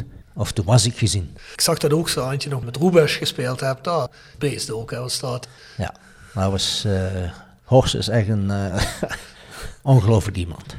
Die was eh, zo hard, maar kon ook nog voetballen. Ja, natuurlijk. Europa Cup 1, een landskampioen met Hamburg geweest. Hè? Komt trouwens uit Essen, hè? vroeger bij Rood-Wijs begonnen. Maar wat een beest was dat, hè? Uit Ham komt hij, bij Dortmund. Daar is bij bij Essen Essen, begonnen, bij zo. Essen is hij wel eh, groot geworden. Ja, of althans... heeft hij- Rood-Wijs. Van daar is hij volgens mij naar Hamburg gegaan. Maar eh, beest. Sowieso dat, dat Hamburg van die tijden later bij Standaard gespeeld. Maar dat waren denk ik zijn nadagen, denk ik. Ja, was zijn laatste seizoen. Heb je met zo'n mannen nog een contact of is zoiets helemaal weg? Eh, met Horst heb ik eigenlijk ja, geen contact meer. Hè. Wel een Heinz Grundel. Maar Horst die zit dus nou bij, bij HSV. Heinz die woont nog in Hamburg. Maar ja, daar heb ik wel regelmatig contact mee. Misschien dat we daar dus eh, deze zomer nog een keer naartoe gaan. Gezellig. Want ik heb ook eh, voorgesteld aan, eh aan Siep. Om met Oud-Roda misschien een keer een wedstrijd te spelen tegen die alte herren van, eh, van HSV. Dus het zou wel een, eh zou, zou wel En dan- lekker zijn, hè? Ja, maar ja, de, de jongens willen nou alleen maar een uitwedstrijd spelen. Wie die HSV-jongens. Nee, nee, Oud-Roda. Ja, ja, ja, ik kan me iets meer voorstellen. Ik heb dat gezelschap mogen, mogen aanschouwen. Ja, is toch ook lekker, of niet? Uitwedstrijdje Hamburg. Ja, tuurlijk. Ik bedoel, en, eh, vooral omdat verschillende jongens van Roda zijn ook wel bekend in Hamburg. we, zijn al, we zijn er een keer geweest met Shane Gerards. Dus Ik weet het eigen ervaring, in Hamburg kun je goed feestje vieren. Dat is, dat is niet de trip waar je een eh, voice-aflevering zou moeten opnemen. Oh, dat weet ik niet. Misschien wel, misschien net What wel. happens in Hamburg stays in Hamburg. Ja, zo, ja, ja. Nee, dat klinkt goed. En dat tweede seizoen bij Standaard, het gaat volgens mij een klein beetje beter, tenminste voor de club. Want eh, dan worden jullie derde. ja. Ja, daarna, dat seizoen ben je weg, hè? ja, ik was al eh, eigenlijk... Dat tweede seizoen heb ik, eh, alleen de eerste helft heb ik af en toe nog gespeeld. Na de winterstop eh, niet meer. Toen ben ik eh, vertrokken naar eh, Excelsior. Was ook op huurbasis, denk op ik, hè? huurbasis, ja. En hoe was dat? Ja, hoe was dat? Eh, Was dat had- voor jou een noodoplossing? Of had je zoiets van, hier heb ik ook zin in, dit moet ik ook eigenlijk doen? Of had je zoiets, hoofdzaak spelen, maakt niet uit wel. Nou, Standaard wilde mij eh, toen verhuren. Of althans, dat, dat zeiden ze. Dat was eh, Berlijn. In ieder geval uit Berlijn was het niet Hertha. De andere club, de tweede club. Union. Ja, er zijn er een paar. Union, Ja, er zijn een paar clubs. hoor. Maar die wouden mij... eh, tennis, tennis Borussia. Tennis Borussia, ja, ja. Die, Die spelen eh, toen nog wat hoger als nu, denk ik, ja. Die wilden mij eh, huren. Nou, dus ik denk, ja, is goed. Maar dat was een, een Joegoslavische contactpersoon, manager. Van, die kwam vanaf Luik, ging die met mij dus op 31 december naar Frankfurt. Want daar was het, eh, het bondskantoor. Wij komen op de, op de luchthaven aan in Frankfurt. En die mensen van Berlijn zijn daar. Nou, daar kon ik een heel mooi bedrag verdienen. Plus, toen de 60.000 mark, die kon ik onder de tafel doorkrijgen. En die werden betaald door een sponsor. Laat dat nou toevallig een Joegoslaaf zijn. En toen had ik zoiets van, weet je wat, ik blijf gewoon bij Standaard. De volgende morgen ben ik weer gaan trainen. En ik kom in, toen hadden we een, eh, een begrafenis voor de vader van eh Alex Czerniatinski. En ik stap in de bus en vooraan zit iemand van bestuur, al flink op leeftijd. Nou, die man die ziet mij in de bus komen. En die meende dus echt dat ik, al, eh, dat ik weg was naar Berlijn. Ja, die krijgen me bijna een hartaanval. Nou ik denk, nou, luister, als ik, dan, eh, als ik dan toch niet speel, dan maakt het mij verder niet uit. Ik bedoel, eh, ze moeten me toch betalen. Toen kwam er opeens een telefoontje of ik niet naar Excelsior wilde komen. Dat was Ger Lagendijk die belde daarvoor. Nou, hebben we afgesproken met Excelsior. En in Breda, daar hebben we ons getroffen en in contact eh, hebben we onderhandeld. Nou, en getekend. Dat was een sponsor van eh Boy Clean in Rotterdam. Die betaalde mij. Ze namen het contract van eh Standaard over. Dat was goed. Ik heb daar gespeeld. Ik heb geen premies gekregen. Ik heb alleen maar salaris gekregen. En ik moest eh, twee keer in de week komen trainen. Op donderdag en op vrijdag. Oh, dat viel ook wel mee dan, hè. Ja, op maandag, dinsdag, woensdag train ik gewoon in, bij Standaard. Ja. En in die tijd woonde jij gewoon hier of in België? Eh, En, eh, nee, ik woonde in eh Vizé. Oké, ja. Oh, ja. Dus naar de, Na de grens, ja. Ik had, eh, ik had mijn salaris plus een kleine 2.500 eh gulden reiskostenvergoeding per maand. Ja, En Excelsior toen in de Eredivisie. ja. Toen hebben ze, ze hebben mij, eh, toen het, eh, even kijken, Carlo de Leeuw, die hebben ze gehuurd. Koos Waslander hebben ze gehaald. En mijn persoontje. Om dan, ja, Eredivisie veilig te stellen. Nou, ik heb toen, eh, even kijken, nou, ben toen eh, naar Excelsior gegaan om de club in de Eredivisie te houden. Hebben we op een gegeven moment, ja, een van de laatste wedstrijden tegen, tegen MVV. En daar, was, daar ging het eigenlijk, dat was een, eh, een vier punten wedstrijd. Die hebben we gewonnen met 1-0. Door een doelpunt van mij. Lekker. Ja. en het mooiste, het mooiste was, er stond op zaterdag stond een artikel in de, in de, in de, de Limburger. Dat eh, Frans, Frans Curver die gaf ontzettend af op Excelsior. Een oud papierclub en was geen eredivisie waard en bla bla bla. Nou, oh, dat vond ik wel een leuk stukje. ik, heb, Opge op. ik, heb, ik heb die krant meegenomen. Zondagmorgen kom ik in eh, Rotterdam. Ik zeg eh, Rob Jacobs, de trainer. Ik zeg, trainer, ik zeg, kom eens even, ik heb wat voor je. Hij zegt, wat?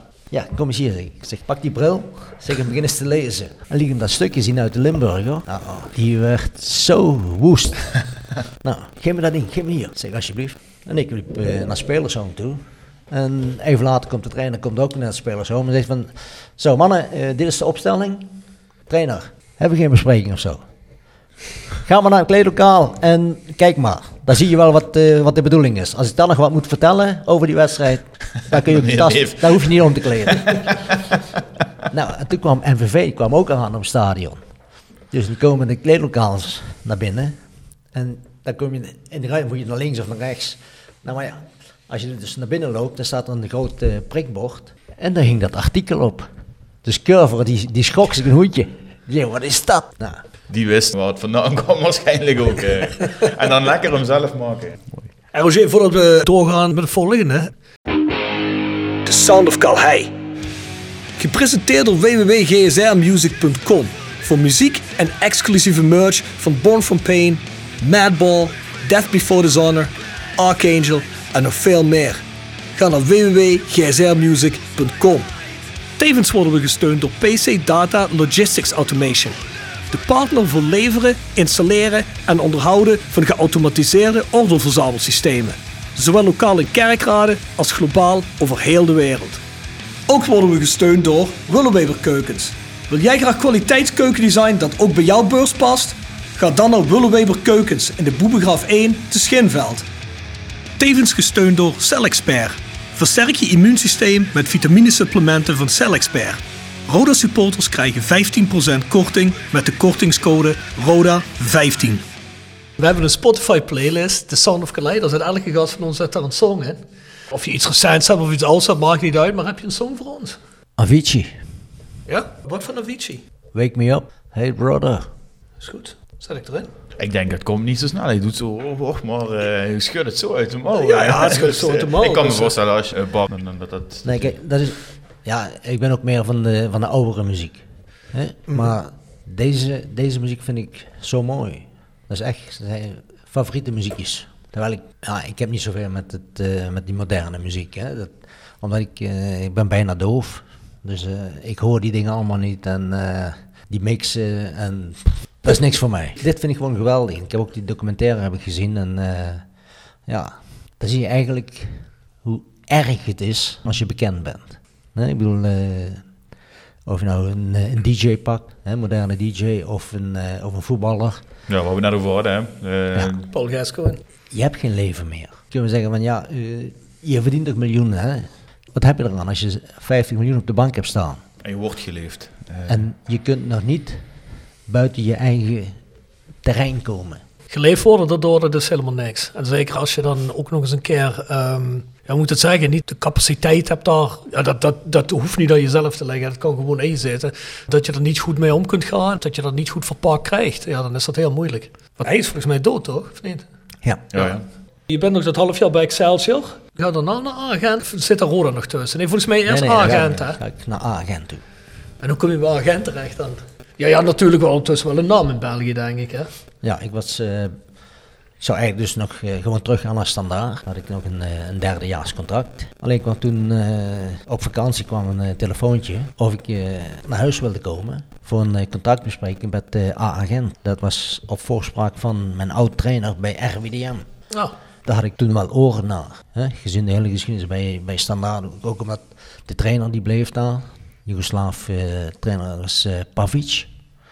Ja, ik kon niet goed door één deur met die jongen eh, of met die man. En nou, toen was het voor mij snel duidelijk van, ah, agent, ook goed, speel ook Europees. Dus ik ben naar agent gegaan.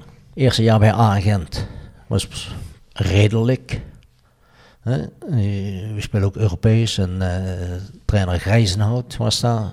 Het eerste seizoen bij Gent was leuk. Einde is daar vakantie. We beginnen weer opnieuw. En een heel nieuw bestuur. Nou, nieuw bestuur, nieuwe kledingsponsor, eh, noem maar op. Nou, de eerste competitiewedstrijd. Dus eh, op zaterdagavond. De eerste wedstrijd van dat seizoen was eh, van Agent. Nou, en dan scoor ik 1-0. Eindstand 1-0. Dus op maandag staan de kranten. De eerste op de voorpagina. Een halve pagina grote foto van mij. Leuk. Kom, ik- moet ik bij je bestuur komen? Smiddags op de training. Ik, denk, lekker, lekker uitlopen, lekker trainen. Eh, Roger, je moet even naar de bestuurskamer. Nou, is goed. Kom daar. Liggen kranten met die foto van mij. Ja, wat is dat? Ik zeg, ja, volgens mij is dat van zaterdagavond. Positief toch, dacht je? Van, Ja. nou, ik, ik, word hier, ik krijg een applaus. Dat, scoor ik. Nee, godverdomme. Die schoenen. Oh. Ja, ik had, ik had een schoenencontract. En stond een clausule in mijn contract dat ik dus vrij was. Hè, omdat ik een eh, contract had. Ik mocht op mijn eigen schoenen spelen. En dat was toen eh, Adidas. Ja, dat mocht niet. Want hun hadden een contract afgesloten met eh, Diadora. Ik zei, maar luister, jullie hebben alles overgenomen. Dan kijk ik toch ook de contracten na. In mijn contract staan een clausule. En ik heb een, contract met, een schoenencontract met Adidas. Hadden ze niks mee te maken. Hun hadden contract afgesloten met Diadora. Ja, in België is gewoon wie, be- wie betaalt, bepaalt. Alleen, eh, dat interesseerde mij niet. Ik had een contact met Adidas, klaar. Nou, en dan heb ik ze gezegd, ik zeg, luister, ik zeg, eh, als jullie me een contract geven waar hetzelfde in staat als wat bij Adidas erin staat, zeg, dan teken ik dat, anders niet. Nee, ik kwam niet meer aan het spelen. Verdwijn maar. Nou, de volgende dag weer trainen. En dan kom ik aan. En moesten alle spelers naar kantoor komen. Ja, en ik als laatste. Dan ligt een hele stapel contracten met Diadora. Het enige wat erin stond, qua geldbedrag, een boete van 1000 gulden, 20.000 frank, per keer dat ik niet op Diadora schoenen op training of op wedstrijd verschijn. Ik zeg, dat teken ik niet. Jawel, dat teken je, anders speel je niet meer. Ik zeg, nou, dan speel ik niet meer. Ik zeg, maar jullie moeten me betalen. Ik heb eh, in mijn contract ook een uh, ding staan van, eh, ik kreeg twee keer per jaar kreeg handgeld betaald. Eerste termijn was 31 augustus, de tweede termijn was 31 januari. Nu, 31 augustus was al geweest. Ah, die even wachten. Er kwam, en dat liep maar door. Maar na, na de eerste wedstrijd werd ik geschorst door de club. Ik kreeg alleen nog maar mijn salaris betaald en verder niks. Toen was de trainer Abfavier. Die vroeg of ik niet met andere schoenen kon spelen. Of de strepen van Adidas, of die niet zwart kon maken. Want bij Feyenoord hebben ze dat ook een keertje gehad, zei hij. Ik zei, ja, is goed. Dus schoenen zwart gemaakt. En toen speelde ik mijn tweede wedstrijd dat seizoen. Was uit bij Anderlecht. Maar niet in de spits. Ik moest links half spelen. Nou, dan speelde ik tegen George Groen. Die werd na een dik uur werd hij gewisseld. Want die had ik helemaal uit de wedstrijd gespeeld. Op maandag stond in de krant, A-agent had maar twee profspelers. Linksback Michel de Wolf, international. En linkshalf Roger Raven. Ja, dat was voor mij weer een dood, doodsteek. Want er kwamen vragen bij bestuur, waarom speelt hij niet? Dus ik mocht weer niet meer spelen. en toen kwam uiteindelijk toch nog een derde wedstrijd voor mij. Dat was de laatste wedstrijd voor de winterstop in december, uit bij Charleroi. Nou, op een gegeven moment uh, een overtreding. Ik lig, komt de verzorger komt het veld op. En er zit iemand op de tribune met een verrekijkertje. En die zag dus het logo van Adidas onder mijn schoenen op de schoenzool. Want de schoenen waren zwart verder. Ja, ja. Dus in plaats van premie kreeg ik weer een boete. En toen uh, was bij Roda was toevallig uh, was ze bezig met, uh, hoe heet die, Australiër. Graham Arnold? Nee, Farin, Farinaccio of Farinho.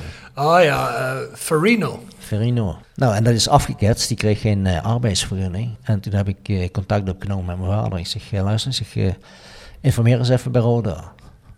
Ja, want ik wil, ik zeg, dit, die flauwekul hier, dit, ik heb er genoeg van. Nou, is goed. Toen heeft hij contact opgenomen met Roda. En nou, dat kwam heel snel tot een akkoord. Heeft Roda mij gehuurd van A-agent. Hebben ze ook een wedstrijd geregeld bij KV Kortrijk. Ben ik ben naar A-agent gereden. Roda kwam ook met de bus, met de spelersbus naar uh, A-agent. En uh, Rob Baan die kwam er binnen voor het, voor het huurcontract te tekenen. En ik moest ook tekenen. En dus we zetten allemaal de, handtekening. En ik zeg, ja, maar ik teken, dit teken, ik teken niet. En Rob Baan kijkt me aan. Hoezo? We hebben toch... Ik zeg, ja, zeg, klopt. Zeg, maar ik heb nog geld goed van Gent. Ik zeg, 31 augustus moest betaald zijn.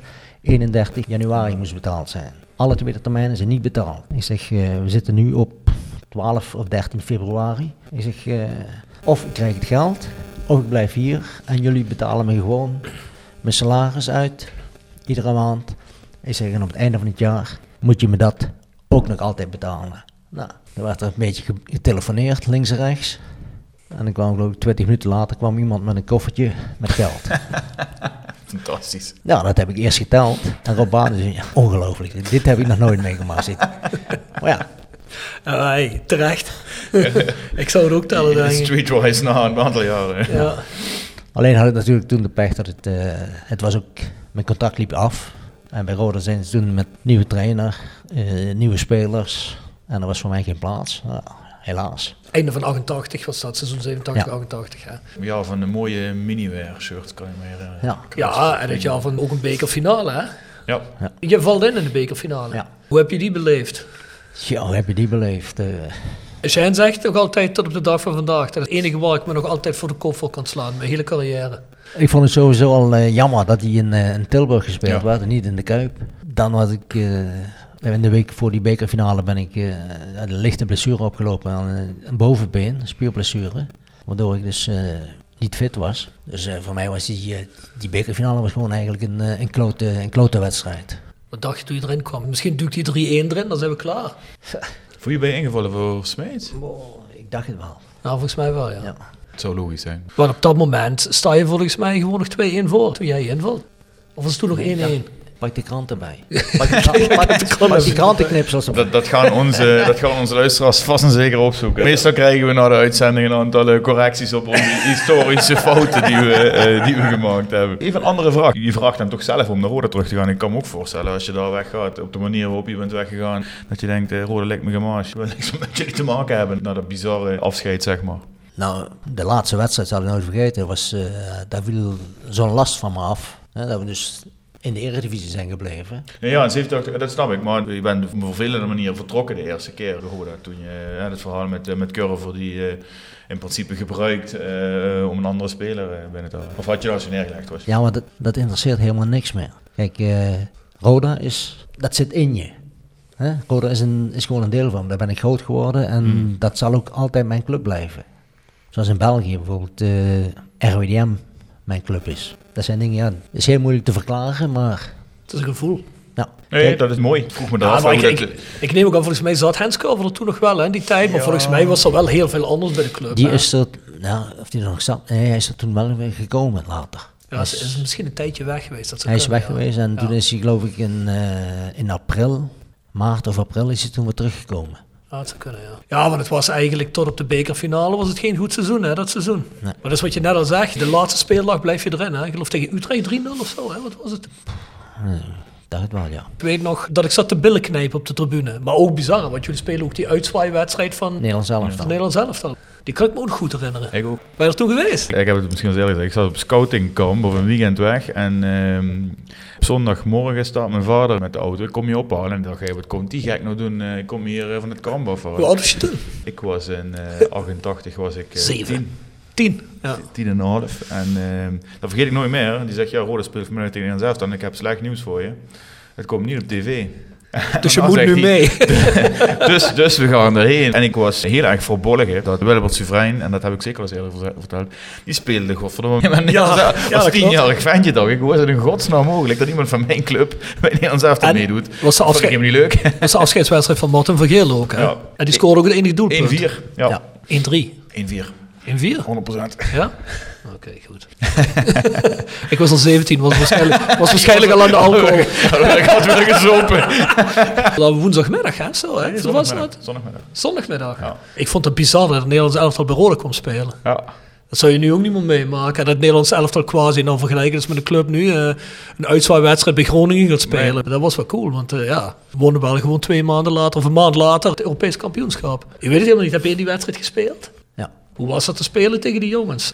Ja, dat was een speler. Was hetzelfde als in een competitiewedstrijd, hè. Er waren nog niet zoveel jongens in het buitenland. Er waren volgens mij alleen die drie van Milan die in het Nee, buitenland maar- spelen. nee, het ging ook pas later naar Milaan. Volgens mij is hij net nog bij PSV, zegt het goed? Of was hij, die was toen wel al in Milaan? Ja, dat Hij was wel de- hij was Maar, dan, maar waren, dan waren die wel inderdaad. toen nog bij PSV.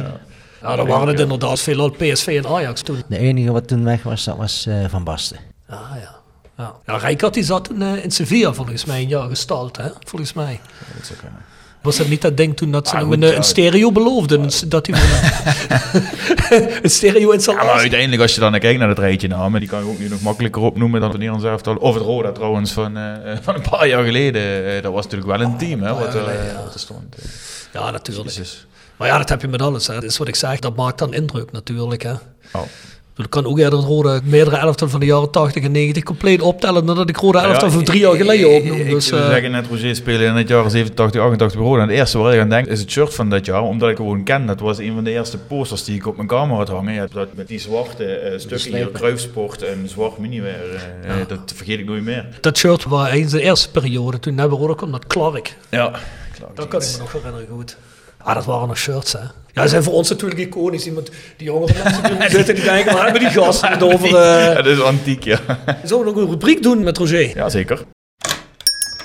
Section Frietenboot. Gepresenteerd door Herberg de Bernardeshoeve. Weekendje weg in eigen streek? Boek een appartementje en ga heerlijk eten met fantastisch uitzicht in het prachtige Mingersborg bij Marco van Hoogdalem en zijn vrouw Danny. www.bernardeshoeve.nl En Stokgrondverzet uit Simpelveld. Voor al uw graafwerk, van klein tot groot. Onze gravels staan voor u klaar. Tevens worden we gesteund door Wiert's Company. Ben je op zoek naar extra personeel? Bezoek het kantoor van Wiert's Company in het Parkstad Limburgstadion of ga naar www.wierts.com. We hebben een rubriek met de jongens van de sectie Frietenboet. Ja, dan vragen we altijd, wat is de favoriete frituursnack van onze gast? Je hebt er vast een, toch? Een favoriete wat? Frietenboet snack, Roger. Een frikadel.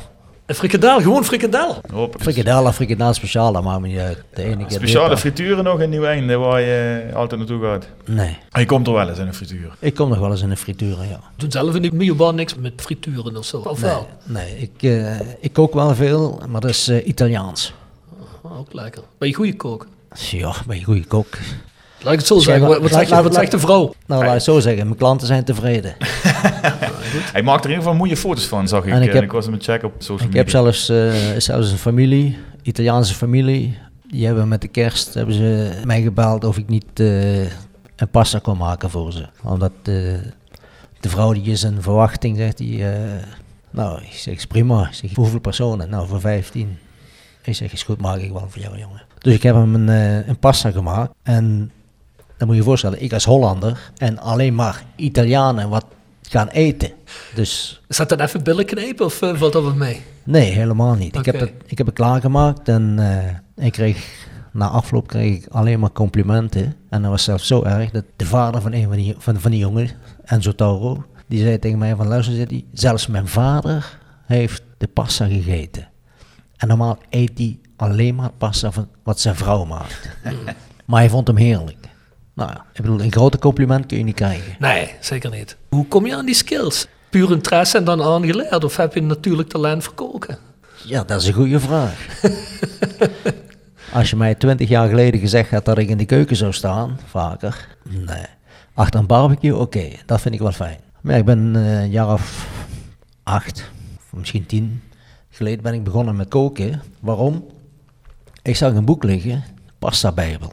Ja, is bladeren. Oh, dat is mooi, mooie foto's. En mooi beschreven. Ja, neem ik mee. Dus kom thuis, zegt mevrouw, wat heb je nou weer? En ik zeg, ja, ik zeg gewoon, zeg, pasta is dat met allemaal pasta gerechten. Godverdomme, zeg, ze, ik heb hier voor jou, ik zeg, Jamie Oliver in Italië, Jamie dit. Ik zeg, ja, dat, dat zijn jouw boeken. ik zeg, maar dit is van mij. Nou, zei ze, en wanneer ga je, wanneer ga je koken? Ik zeg, eh, dinsdag. Toen had ik op dinsdag had ik vrij, dus eh, ik zeg, dinsdag. Nou, is goed. Jij maakt dinsdag pasta. Nou, toen heb ik zondagavond, maandagavond. Ik denk, oh shit, wat moet ik nou gaan doen? Wat moet ik nou? Wat moet ik nou? In dat boek bladeren, ja. Het makkelijkste wat ik zag staan was pasta met zalm. Dus ik de volgende dag naar de winkel, pasta gehaald, zalm gehaald en koken. Nou, eh, ze vonden het wel lekker. Dan heb ik het vijf dagen later op zondag heb ik het ook voor de klanten gemaakt. Eh, ik geloof een man of vijftien. Nou jongens, eh, wil iemand van jullie pasta? Ja, lust ik wel. Nou, huppakee. Allemaal voorgezet. Nou, ze vonden het allemaal lekker. Nou, toen kwam dat gerecht, toen kwam dat gerecht. Eh, Dus je in de zaak wel Italiaans eten. nou, als ze mij dat van tevoren aangeven. Kijk, ik ben, ik ben geen restaurant, dus een, Nee, nee. ik kan geen voorraad inslaan van, nou ja. Het is wel zo dat hij zegt van, luister Roger, ik wil, ik wil morgen pasta komen eten op jou, kan dat? Nou, prima. Dan kan ik eh, dat inkopen en dan kan ik het klaarmaken. Maakt het de pasta vers tegenwoordig of gewoon klaar al? Soms maak ik hem wel eens vers. Dan heb ik, ja, eh, van mijn klanten heb ik een, eh een pasta molen gekregen. Dus ik kan de pasta kan ik zelf eh, maken en Ja. dan eh, uit, uitdraaien. Nou, dat is wel cool om te doen, hè? Met een hele hoop rotzooi. Weet je, weet je wat ik altijd kijk op YouTube? We gaan nu een hele andere richting in, maar op YouTube kijk ik wel eens naar pasta grannies. Ja, ja. Ken je dat? hey, maar die zijn goed, hè? Dat zijn allemaal van die oude dametjes. Hè? Dan gaan ze op bezoek bij zo'n, weet ik veel, ergens. Gaan ze op bezoek, ergens in een dorp. En dan gaan ze het lokale pasta gerecht gaan ze uitleggen hoe ze dat maken. Ze maken ook altijd de pasta zelf. En ziet er dan altijd heel simpel uit. En dan denk ik, oh, dat ga ik in een weekend doen. en dan, ja, dat komt er dan nooit van. Maar altijd heel erg simpel. En ja, het ziet er altijd heerlijk uit. Maar ik weet niet of je het gezien hebt, Roger. Ze maken wat reclame voor een boek dat ze ook hebben ervan. En dat boek, dat ga ik bestellen. Dat moet ik hebben. Misschien nog eens voor jou, wie weet. Nou, ik- dat wat ik nu heb, daar houd ik me aan. Dat is wel, eh, Dat is genoeg. dat is wel goed. Oké, oké. Heel even naar het laatste gedeelte. Ja, Roger, nog heel even over het allerlaatste. Daarna ga je toch weer terug naar Agen. Nee. Oké. Bij Roda is eh, zeg maar het seizoen afgelopen. Toen heb ik een, eh, een brief opgesteld, een tweevoud. Eentje voor de Belgische voetbalbond en eentje voor AA Gent. dat ik mijn lidmaatschap opzeg bij A-agent. En ook niet inga op de aanbieding van hen. Dan hebben wij toen formeel een aanbieding moeten doen, omdat het contact afgelopen was. Mhm. Maar ja, dat was van iets van eh duizend, duizend gulden per maand. Dus daar reageer ik helemaal niet op. Ik heb die brief gestuurd en eh, klaar. Ben ik eh, zeg maar gestopt daar. Toen ging je nog het laatste jaar bij Go Ahead voetballen. Ja, Dat was zo'n jaar de tweede divisie. dat was de eerste divisie. De, de eerste, de tweede niveau in ieder geval, ja. Hoe was dat laatste jaar? Was het gewoon duidelijk een jaar van jou, hier bouw ik nog af? Hey, je was toch helemaal niet zo oud, hè? Je was pas eh, 29 of zo? Nee, ik was eh, 30. 31. Met 31 ben ik gestopt. Eh, ja, hoe was dat? Ik had best wel een leuke tijd gehad, zolang als eh, Frits Korbach eh, bij, A- bij eh, Go Ahead was. Alleen is hij toen in, eh, met, rond de carnaval is hij vertrokken naar Cambuur, meen ik. Zou kunnen. Ja. Ik had net voor de carnaval, in de laatste wedstrijd, nou, krijg ik een, eh, op een gegeven moment een overtreding. En dan heb ik een, eh, een middenvoetsbeentje gebroken. Een paar weken gips gehad. Maar ja, in die tijd is ook Korbach vertrokken. En toen werd eh Ten Kate werd de nieuwe trainer. Ik kom op een gegeven moment eh, weer terug op de club voor te trainen. Omdat mijn gips er vanaf was. En eh, toen kreeg ik van hem te horen dat ik eh, niet meer bij de, niet bij de selectie van de eerste elftal eh, kon trainen. En ik zeg, eh, hoe bedoel je? Nee, je moet maar 's smiddags om vijf uur komen trainen. Ik zei, nou ja, zeg, dat doe ik niet. Dat doe ik niet. Dan heb ik een paar rondjes gelopen. En toen ben ik weer naar binnen gegaan, hebben we ziek gemeld. Klaar. En daar gaf hij geen reden voor aan. Nee, wat, ja, zijn reden was, hij was niet, hij had zijn trainersdiploma nog niet. En hij vond de selectie wat hij had, met 16 spelers, dat was al groot genoeg, dat was het maximum wat hij, eh, wat hij wou trainen. Meer kon hij niet doen. Ja, terwijl hij, van tevoren had hij toen, toen ik de eerste keer weer op de club kwam, nadat mijn gips er vanaf was, eh, zei hij van luister, jij bent mijn spits, eh, bla bla bla. Ik zei, nou ja, zij is goed. Dus nou, dan ben ik weer gaan trainen. Na twee weken heb ik toen de eerste keer weer een wedstrijd gespeeld met de tweede elftal, uit bij Twente. Nou, dat ging, eh, dat ging prima. Dus ik kom op maandag kom ik weer bij de club en eh, ik denk, nou trainen. Oh nee, om vijf uur moet je komen trainen. Ik denk, ja, wat is dat er nou? Een lulverhaal. Dus daar heb ik eh, me afgemeld, of ziek gemeld en eh, toen ben ik vertrokken. Nou, en later heb ik dus eh, met agent, heb ik dus een, of eh, agent, met uh, Go heb ik toen eh, zeg maar het contract ontbonden. That's it. En daarna wilde hij niet meer? Of kreeg je geen aanbiedingen meer? Of hoe zat het? Of wilde hij gewoon stoppen? Eh, nou, het was zo dat ik, eh, ik zou best nog eh, willen voetballen eigenlijk, maar ik had ook al een café.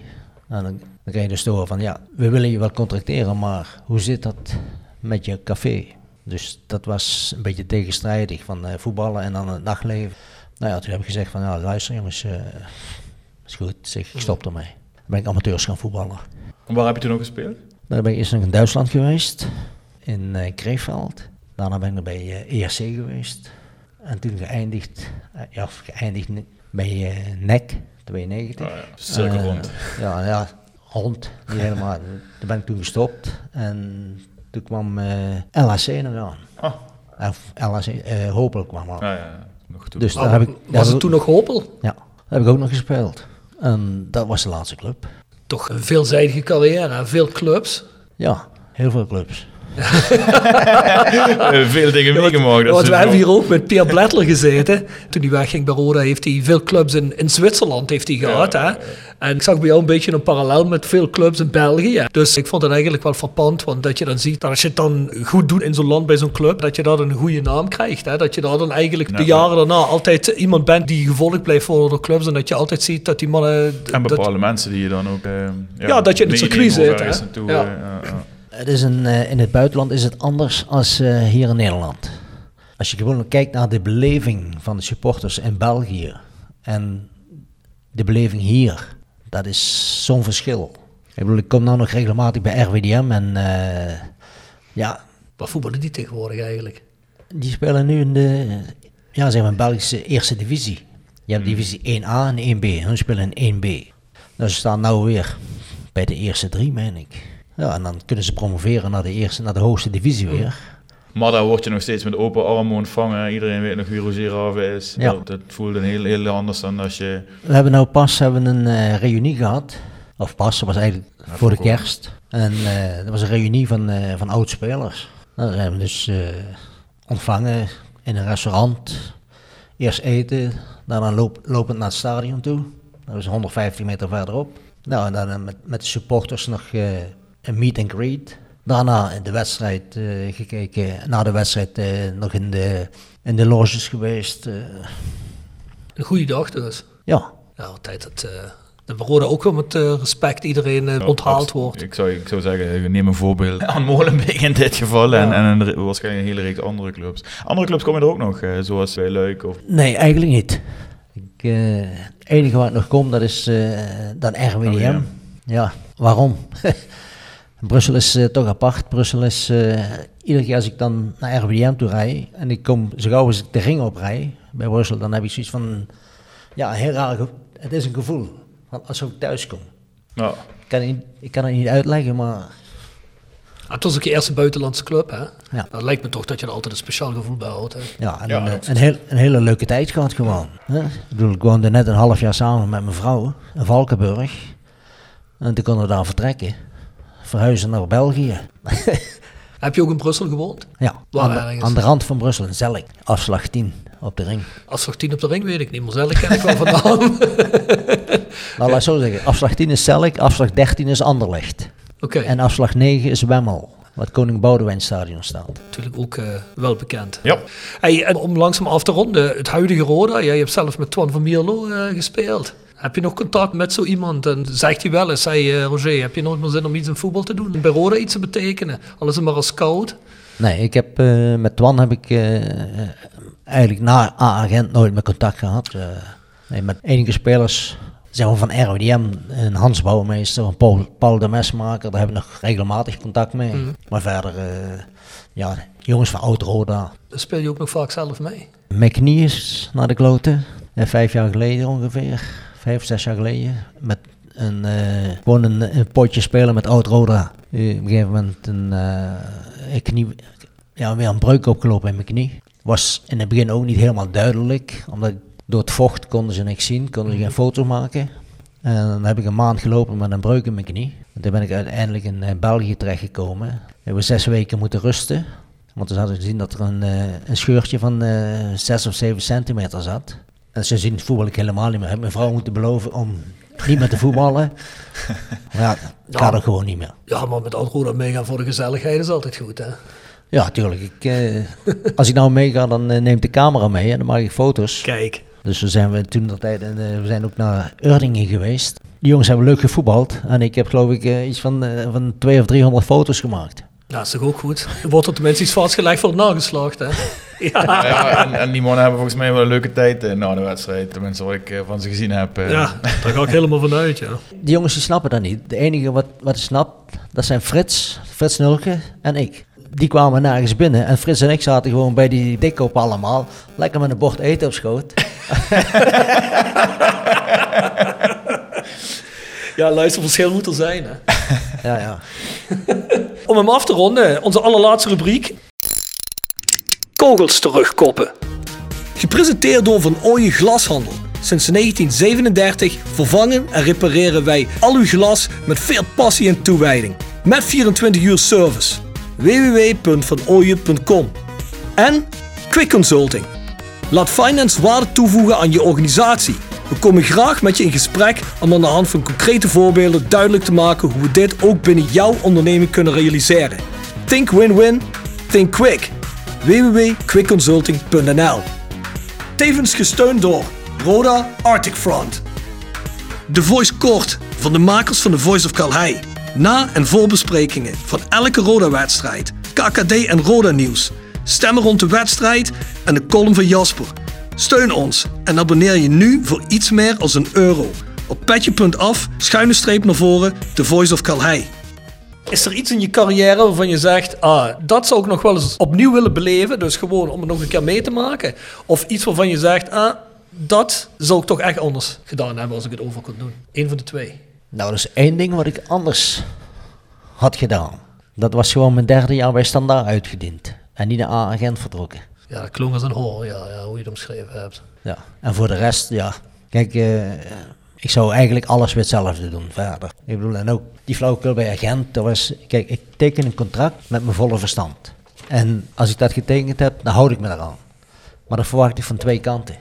Tuurlijk, logisch. Contract is pas interessant als er een conflict ontstaat, want dan is vastgelegd wat er geregeld moet worden en hoe het geregeld is. Zolang altijd alles loopt hoe iedereen wil, boeit dat contract eigenlijk niet.